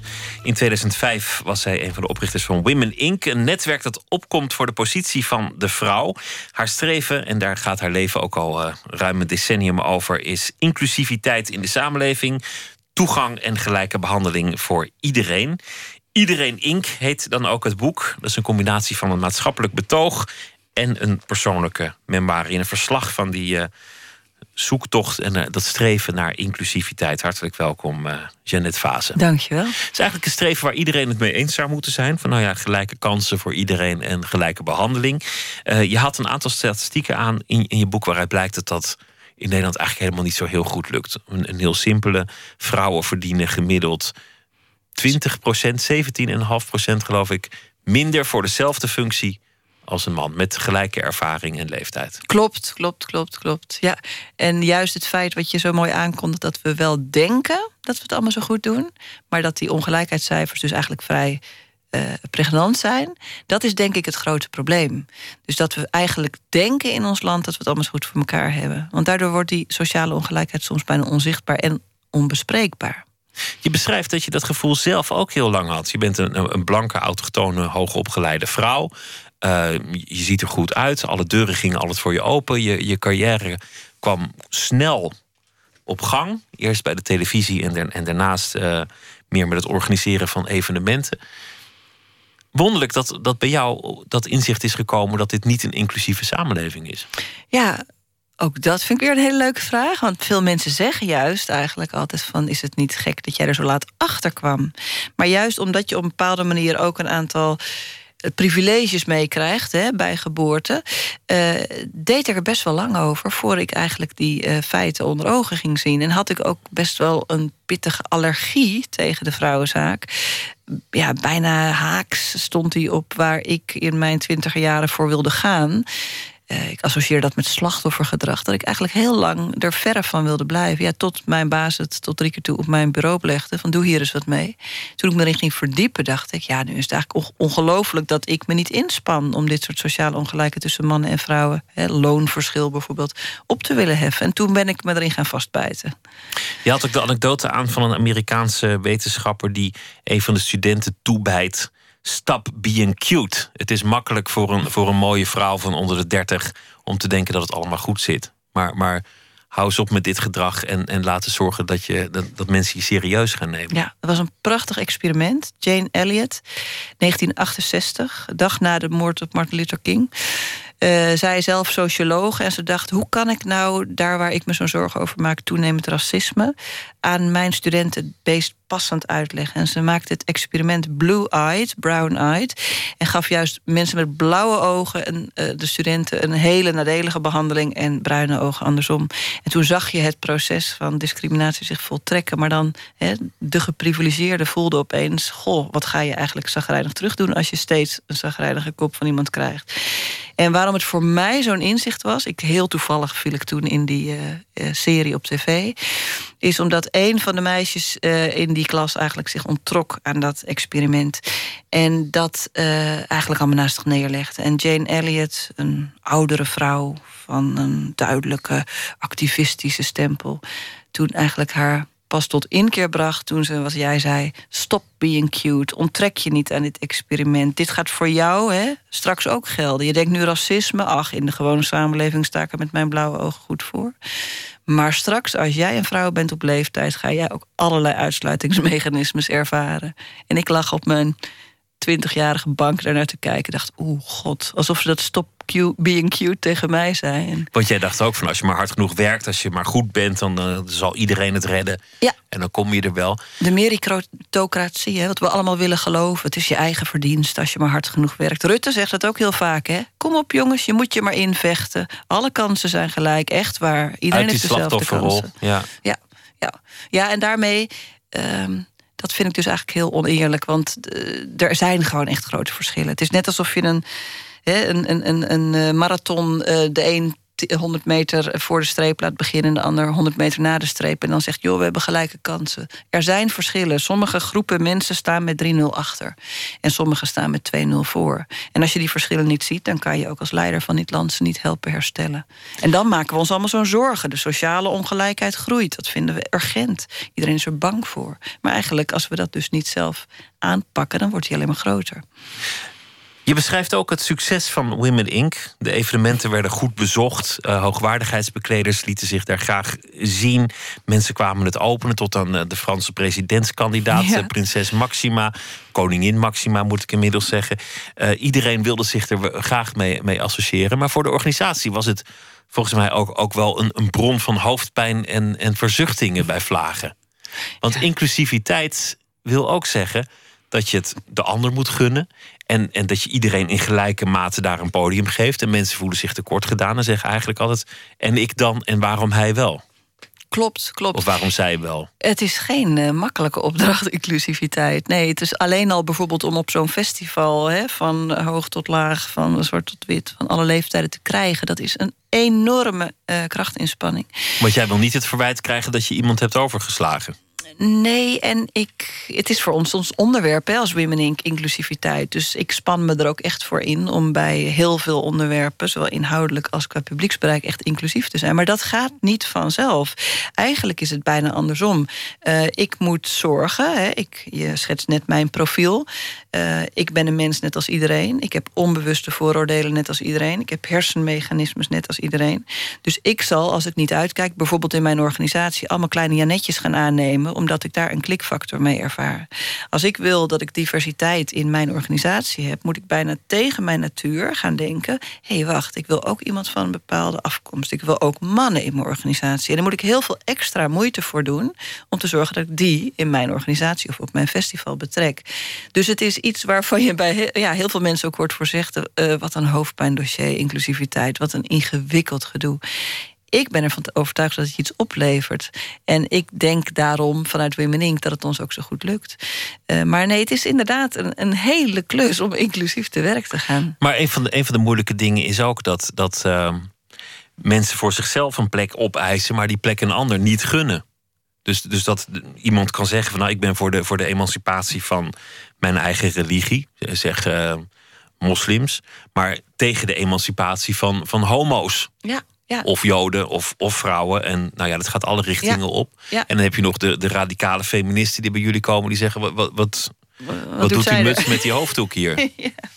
ja, ja, ja, dat is heel interessant, die bijeenkomsten van ons. Dat schets jij goed. Ik probeer dat in mijn boek ook uit de doeken te doen. Hè, hoe vaak hokjes ook tegen elkaar schuren en botsen. Wij zoeken dat altijd op, want wij geloven uiteindelijk... als je al die hokjes uitkleidt dat je mensen overhoudt die uh, gezamenlijke doelen stellen en daarmee doorbraken creëren en dat het wel lukt. Um, ik denk dat uh, groot issue is uh, dat we de, het schuren niet uit de weg moeten gaan. Dus dat om inclusief te zijn, zul je altijd tegen de grens van de hokjes aankomen. en daardoor tot conflicten komen, of verschillen van inzicht, of verschillen in belangen, wat jij zegt. en juist in die schurende gesprekken vind je elkaar en ontstaat de ruimte voor de ander. Je, je zegt eigenlijk, er zijn verschillende tactieken. Die moeten allemaal gevolgd worden. En liefst ook door verschillende mensen. Die hebben dan uiteindelijk elkaar weer nodig. En dat is de confrontatie. En dan, en dan weer de andere modellen. Dat, wat je zou kunnen vertalen als het, het weer knuffelen. Ja, mooi verteld. Ik vind het zo mooi hoe jij mijn boek echt op de letter hebt gelezen. Um, inderdaad, ik ben ervan overtuigd dat voor verandering je zowel, zoals ik het noem, clashers, hè, mensen die durven confronteren nodig hebt, connectors, dat zijn mensen die uh, invloedrijke posities bekleden en daardoor heel veel invloed hebben, maar ook heel compromisvol zijn, maar wel echt het beleid kunnen omzetten. En incorporate mensen, mensen zoals jij en ik, die gewoon hun kinderen anders op gaan voeden doordat we iets gehoord hebben, boodschappen anders doen, onze baas of onze werknemers anders aanspreken. En alle drie vinden elkaar in hun strategieën zwaar irritant. Dus daar zit onze grootste uitdaging vaak om al die verschillende veranderaars en doeners bij elkaar in zo'n zaaltje te krijgen. Uh, en tegelijkertijd zijn ze allemaal nodig om een verandering te bewerkstelligen. En ja, eigenlijk al die recepten die deel ik in mijn boek, omdat ik juist zo graag wil dat mensen die verandering willen realiseren, die processen ook net als ik in die tien jaar gaan overzien en zich niet door allerlei onderlinge irritaties, confrontaties uh, de moed verliezen om tot uh, mooie doorbraken te komen. Laten we beginnen met de kaart. Ik wil je vragen om een kaart te trekken en de vraag voor te lezen. Oké, dus het is helemaal random wat ik nu trek eigenlijk, hè? Mhm. Oké, spannend. Ah, wie neem jij niet serieus? Aha. Mm. Dat is een gewetensvraag in deze. En dan wil je dat ik het toepas op mijn onderwerp van mijn boek? Nee, wie neem je gewoon niet serieus? Ik neem mensen niet serieus die ontkennen dat zij onbewuste vooroordelen hebben. Die Mensen dus... die zeggen, ik ben er helemaal van gevrijwaard, ik, ik heb dat niet. Ja, die neem ik niet serieus. En die zijn er heel erg veel. Sterker nog, het gros van de mensen ontkent op dit moment in Nederland dat we allemaal onbewuste vooroordelen hebben. Omdat we eigenlijk niet op een ontspannen manier over dit thema kunnen praten, houden we dan maar helemaal ons mond. En dat is juist zo schadelijk.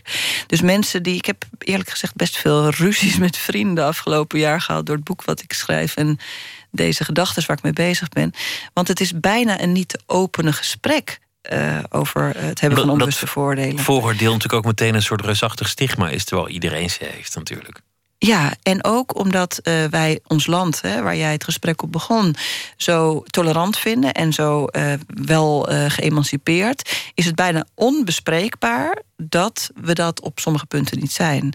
En dat is wat ik met mijn boek ook probeer, om een aantal woorden toe te voegen waarmee het denk ik makkelijker wordt. Nou is inclusiviteit natuurlijk een draak van een woord. Hè?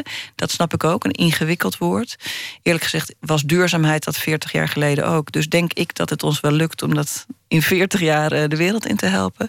Maar een ander woord wat ik graag uh, wil toevoegen is bias. En dat is eigenlijk het Engelse wetenschappelijke woord voor onbewuste vooroordelen. Omdat bij ons onbewuste vooroordelen zo'n beladen woord is geworden... dat ik bijna denk dat we met dat woord gewoon niet redden. Dus ik wil eigenlijk dat ingewikkelde bias dan maar introduceren... om het toch bespreekbaar te maken in Nederland. Ja ik, ja, ik denk dat het brein gewoon zo werkt. Je brein eh, oordeelt over tal van situaties... Nog, nog voor er woorden aangegeven worden... nog voor jij met, met je bewustzijn erbij bent... Van, van moet ik rennen, want er komt een taxi aan? Uh, uh, zit er iemand achter mevrouw aan? Wil iemand iets van mij jatten? Is dit de baas? Moet ik buigen? Moet ik, uh, moet ik, moet ik ik wegkom? Wat je zegt, het is, het is een oeroud mechanisme uit ons reptiele brein. Hè. Vroeger, eh, daar is een leeuw, oh dat is gevaarlijk. Dat mechanisme hanteren we nog steeds. Maar we koppelen er soms de verkeerde consequenties aan. Namelijk gekoppeld ook aan uiterlijke kenmerken van mensen. Dat gevaar zit hem niet in die en die en die meneer. Dat gevaar zit hem niet in, in eh, of de ongeschiktheid zit hem niet in die en die en die mevrouw. We moeten eigenlijk onze, onze beeldbank in onze hersenen herprogrammeren. En dat het een mechanisme is wat in ons allemaal zit, dat kunnen we niet veranderen. Dat moeten we ook helemaal niet willen. Maar dat we dat erkennen en daardoor mensen op belangrijke functies, we noemden Rutte al even, maar wat mij betreft allemaal mensen in verantwoordelijke posities gaan realiseren dat als zij niet erkennen dat ze onbewuste vooroordelen hebben, eigenlijk een systeem in stand houden wat sociale ongelijkheid produceert. Die mensen neem ik niet serieus. Sorry, lang antwoord. Mijn volgende wordt vast korter. Hangt van de vraag af. Nou, ik ga nu voor deze. Geloof jij in de toekomst? Ja, want ik ben een aardsoptimist. Dat is ook uiteindelijk de conclusie van je boek. Met, met van nou ja, sommigen moeten de confrontatie aan, anderen die moeten uh, het omarmen en volgende moeten het gewoon in, in de praktijk gaan brengen. Uiteindelijk ben je optimistisch. Terwijl de actualiteit er niet altijd toe stemt. Ja, weet je dat dat nu de afgelopen week de meest gestelde vraag is aan mij? Of ik eh, me niet zorgen maak, net zoals iedereen. En ik, ik weet niet of het een karaktertrek is, maar ook eigenlijk toch wel de portée van mijn boek. Is um, het, mooiste compliment wat ik kreeg: het is een makkelijk boek over een moeilijk onderwerp. En het makkelijke vind ik van mijn eigen conclusie, is dat sociale ongelijkheid klinkt als iets heel groots, abstracts. Net zoals de kloven waar we het allemaal over hebben. Maar ik denk dus dat uh, omdat de wortel van het probleem in onszelf zit, namelijk onze eigen bias, ook de oplossing in onszelf zit. En dat er steeds meer mensen die willen dat we dit langzaam gaan veranderen, ja, zichzelf gaan uitspreken. Dus ja, ik ben optimistisch over de toekomst. En misschien een beetje mellow, maar in mijn boek noem ik ook uh, uh, nog de mensen die ik wil bedanken. En daarin noem ik ook mijn kinderen. Ik heb een zoon en een dochter. En op een of andere manier zie ik aan mijn kinderen terug dat volgens mij we allemaal als mensen van nature tot een open, bevragende en nieuwsgierige houding uh, in staat zijn. We zijn er misschien alleen een beetje vergeten. Laten we nog één vraag doen. Eentje. Op welke vraag had jij eigenlijk gehoopt? Ja. Uh, ja, dan zou ik misschien iets slims rondom boekpromoties moeten zeggen. Nou, ik, ik, eh, mag ik één vraag aan jou stellen? Ja. Ik weet niet of dat in je format past. Hoe vond je mijn boek? je hebt het gelezen. Ik vond, ik, vond het, uh, ik, vond, ik vond het een vrolijk boek omdat het ook persoonlijk werd. En omdat je ook jezelf niet spaart. Daar was ik bang voor. Ik was bang dat het een boek zou zijn waarin je uh, helemaal aan de goede kant zou staan. En helemaal zou uitleggen hoe het, uh, hoe het moet met de wereld en, en dat soort dingen. Met het wijsvingertje ook. Met, ja, met, met, met, nou ja, we zijn toch allemaal eens dat. En dan een, lekker onder elkaar dat zo'n boek zou zijn. En dat was het niet. En, en noem eens één politiek incorrect voorbeeld van over mij wat jou bijbleef. Nou, de, met name in het begin van het boek, dat, dat je eigenlijk beschrijft dat je, dat je denkt: Goh, ja, waar hebben we het eigenlijk over? Want, want als die mensen allemaal gewoon lekker hun best doen, kijk naar mij, dan kom je er wel. Ja. En, en ook dat je af en toe beschrijft dat je, dat je half zuchtend in elkaar stort na zo'n bijeenkomst. uh, om, omdat iedereen aan je hoofd heeft zitten zeuren over, uh, ja. over de gehandicapt lesbische, maar dan een bepaalde subcategorie daarvan. Dat, ja. dat vond ik wel aardig. En dat je dan ook nog beschrijft dat je totaal uit de toon valt wanneer je een keer bij de koningin mag komen, omdat je het verkeerde outfit aan hebt. ja, ja. ja, en ik, ik denk dat. Um, wat ergens bijzonder aan mijn positie is, en dat is die positie die aan de ene kant uh, snapt hoe in- en uitsluiting werkt vanuit het label vrouw, hè, alles wat ik erover geleerd gezien heb, maar de andere kant ook snap dat ik, uh, zoals dat dan heet, geprivilegeerd ben, hè, omdat ik een hoge opleiding heb, uh, omdat ik veel mee heb. Die dubbele positie geeft mij, denk ik, soms de beide kanten van het verhaal. Dat ik zowel weet hoe het is om in te sluiten, hoe het is om uit te sluiten, hoe het is om ingesloten te worden, hoe het is om uitgesloten te worden. En daarom vind ik het ook heel mooi om. Het is best bijzonder voor mij, want tot nu toe ga ik niet zo persoonlijk op dingen in. Om ja, al mijn ervaringen en inzichten te delen. Omdat ik denk dat veel mensen wat aan kunnen hebben in deze tijd. Iedereen Ink, Janet Vase, dank je wel. De Britse zangeres Liz Green gedebuteerd in 2011 met een album Oh Devotion. En werd uh, uitgeroepen door het muziekblad Mojo tot Best New Act. En van dat album draaien we Hey Joe.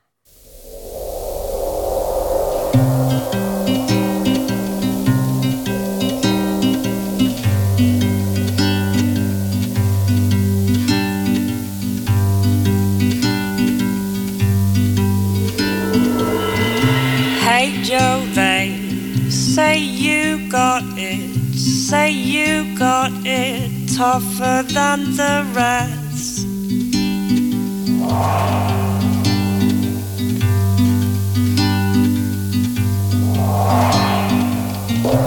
Hey Joe, they say you got it, say you got it tougher than the rest.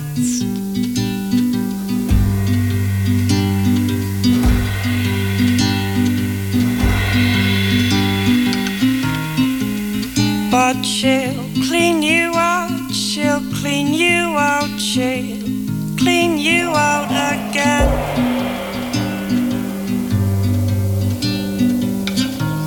You've heard what they say, and you know she'll clean you out, she'll clean you out again.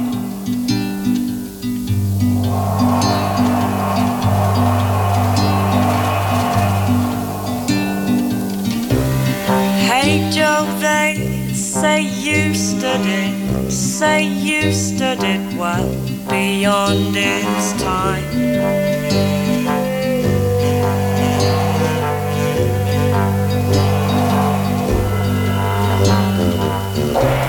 Hey Joe, they say you stood it, say you stood it well beyond its time.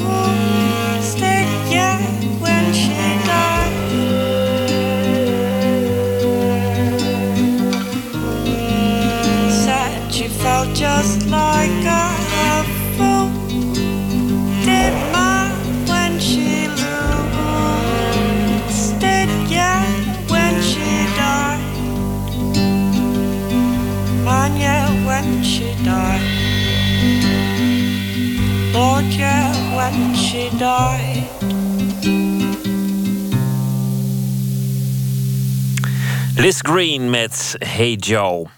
Eén minuut, een reeks wonderlijke verhalen in slechts 60 seconden. Die van vannacht heet Weg. Pst, één minuut. You don't know? No. No. When you go that way, Yeah. you have the cafe on the, on the corner. Yeah. On the right. Yeah. Then second bridges. Yeah. Second bridges. And on the first street or your left side. Okay. There is the post office. Oké, succes hoor. Zijn het ehm, Amerikanen of Engelsen? Zag je even hoe briljant ik dat eh, aangaf, deze aanwijzing? Maar waren het Engelsen of Amerikanen? zo, stom te lachen. Maar je spreekt wel een taaltje over de grens, hè? Ja, man, ik ben echt meestelijk op dat gebied. Maar ja, dit komt ook omdat ik natuurlijk dit, dit, dit niet voor de eerste keer meemaak. Hè? Dus eh, je gaat er wat routine in krijgen. Je bedoelt dat mijn accenten niet helemaal in orde zijn? Ja, goed.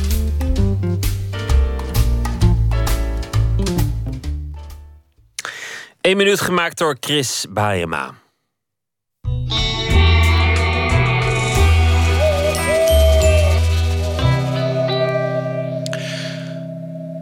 Katelijn Schilder is schrijver en uh, maakt uh, verhalen en romans. En deze week zal ze voor ons de analen bijhouden... en elke nacht een verhaal maken bij de dag die al lang voorbij is. Katelijn, goeienacht. Hoi. Weer een koude dag, maar daar heb je het gisteren al over gehad... over dat het zo aggenebbes koud is. Wat, uh, wat is er nog meer gebeurd? Nou, de dag begon vanmorgen heel vroeg met een, een ruzie. Een echte ouderwetse ruzie tussen twee mannen bij de kassa... En die ruzie ging gewoon over wie het eerst aan de beurt was. En ik weet nog dat ik dacht, het gaat me niet gebeuren dat ik nu de hele dag ga nadenken over twee, deze twee mannen. Maar ik ben bang dat het toch is gebeurd. Het is ook heel wonderlijk, want hoeveel tijd scheelt het nou of je eerder aan de beurt bent? Ik bedoel, die, die, die ene minuut die heb je alweer verspeeld op het moment dat je de ruzie over gaat maken. Ja, nee, ruzie is vaak, vaak heel erg uh, zinloos en, en doelloos, maar deze was echt, deze staat gewoon echt voor altijd in de top 1, wat mij betreft. Waren, ja. de mannen, waren de mannen dronken? Nee, dat was het wonderlijkste. Ze hadden ook gewoon uh, spinazie en halfvolle melk. En uh, ze hadden ook een, gewoon werktassen bij zich en zo. Het was, het was, uh, anders was het niet zo doelloos geweest, zeg maar. Dan ging het nog ergens over. Maar nu was het, hij was compleet um, onverklaarbaar. Nou, ja. dat heeft vast een mooi verhaal opgeleverd. Althans, dat ik hoop ik. ik heb mijn best gedaan. Daar komt hij. 4229 plu. De cachère drukt op alle knoppen. Roept iemand om die nooit komt. Haalt het pak diepvriespinazie wel tien keer over de scanner, maar er klinkt geen piep. Ze zucht diep en kijkt naar de twee mannen die zo net als een stel zilverruggen brulden over wie het eerst aan de beurt was. En de twee mannen kijken omhoog naar het systeemplafond. Daar hangt voor elke man een gele post-it met opdracht. Op de post-it van man 1 staat... Kijk één seconde, niet boos, naar degene aan wie je het meeste ergert. Op de post-it van man 2 staat... Doe een dansje of verplaats je gewicht van je linker op je rechterbeen. Ondertussen doet die scanner het nog steeds niet... dus nu kijkt ook de cashier omhoog. Gewoon blijven proberen, staat er op haar briefje... Dus ze haalt het pak diepvriespinazie nog maar eens langs dat ding. De wanhoop is van haar gezicht af te lezen. In een noodsituatie worden de post-its binnen een halve minuut vervangen. Daar is nu absoluut sprake van, dus de cashier kijkt nog maar eens naar het plafond. Nu staat er, zeg alles wat je doet hardop. Ze zegt, ik ga alle productnummers nu met de hand invoeren. En ze begint te typen. Diepvriespinazie 4985203. Persinezappelen 4059216. Bananen 4229 plu. Het duurt eindeloze minuten. Het is zo rustgevend dat de mannen denken aan de keren dat ze in slaap vielen op de schoot van hun moeders. Ze schrikken op als de cashier zegt totaal, terwijl ze op het knopje totaal drukt. Het is gelukt, zegt ze. Man 1 kijkt alleen maar. Man 2 verplaatst zijn gewicht nog eens van het linker naar het rechterbeen. En de post-its, productnummer 6549761, vliegen snel door naar het loket van conducteur Frans in tram 13. Tot zover. Een ruzie bij de, de supermarkt.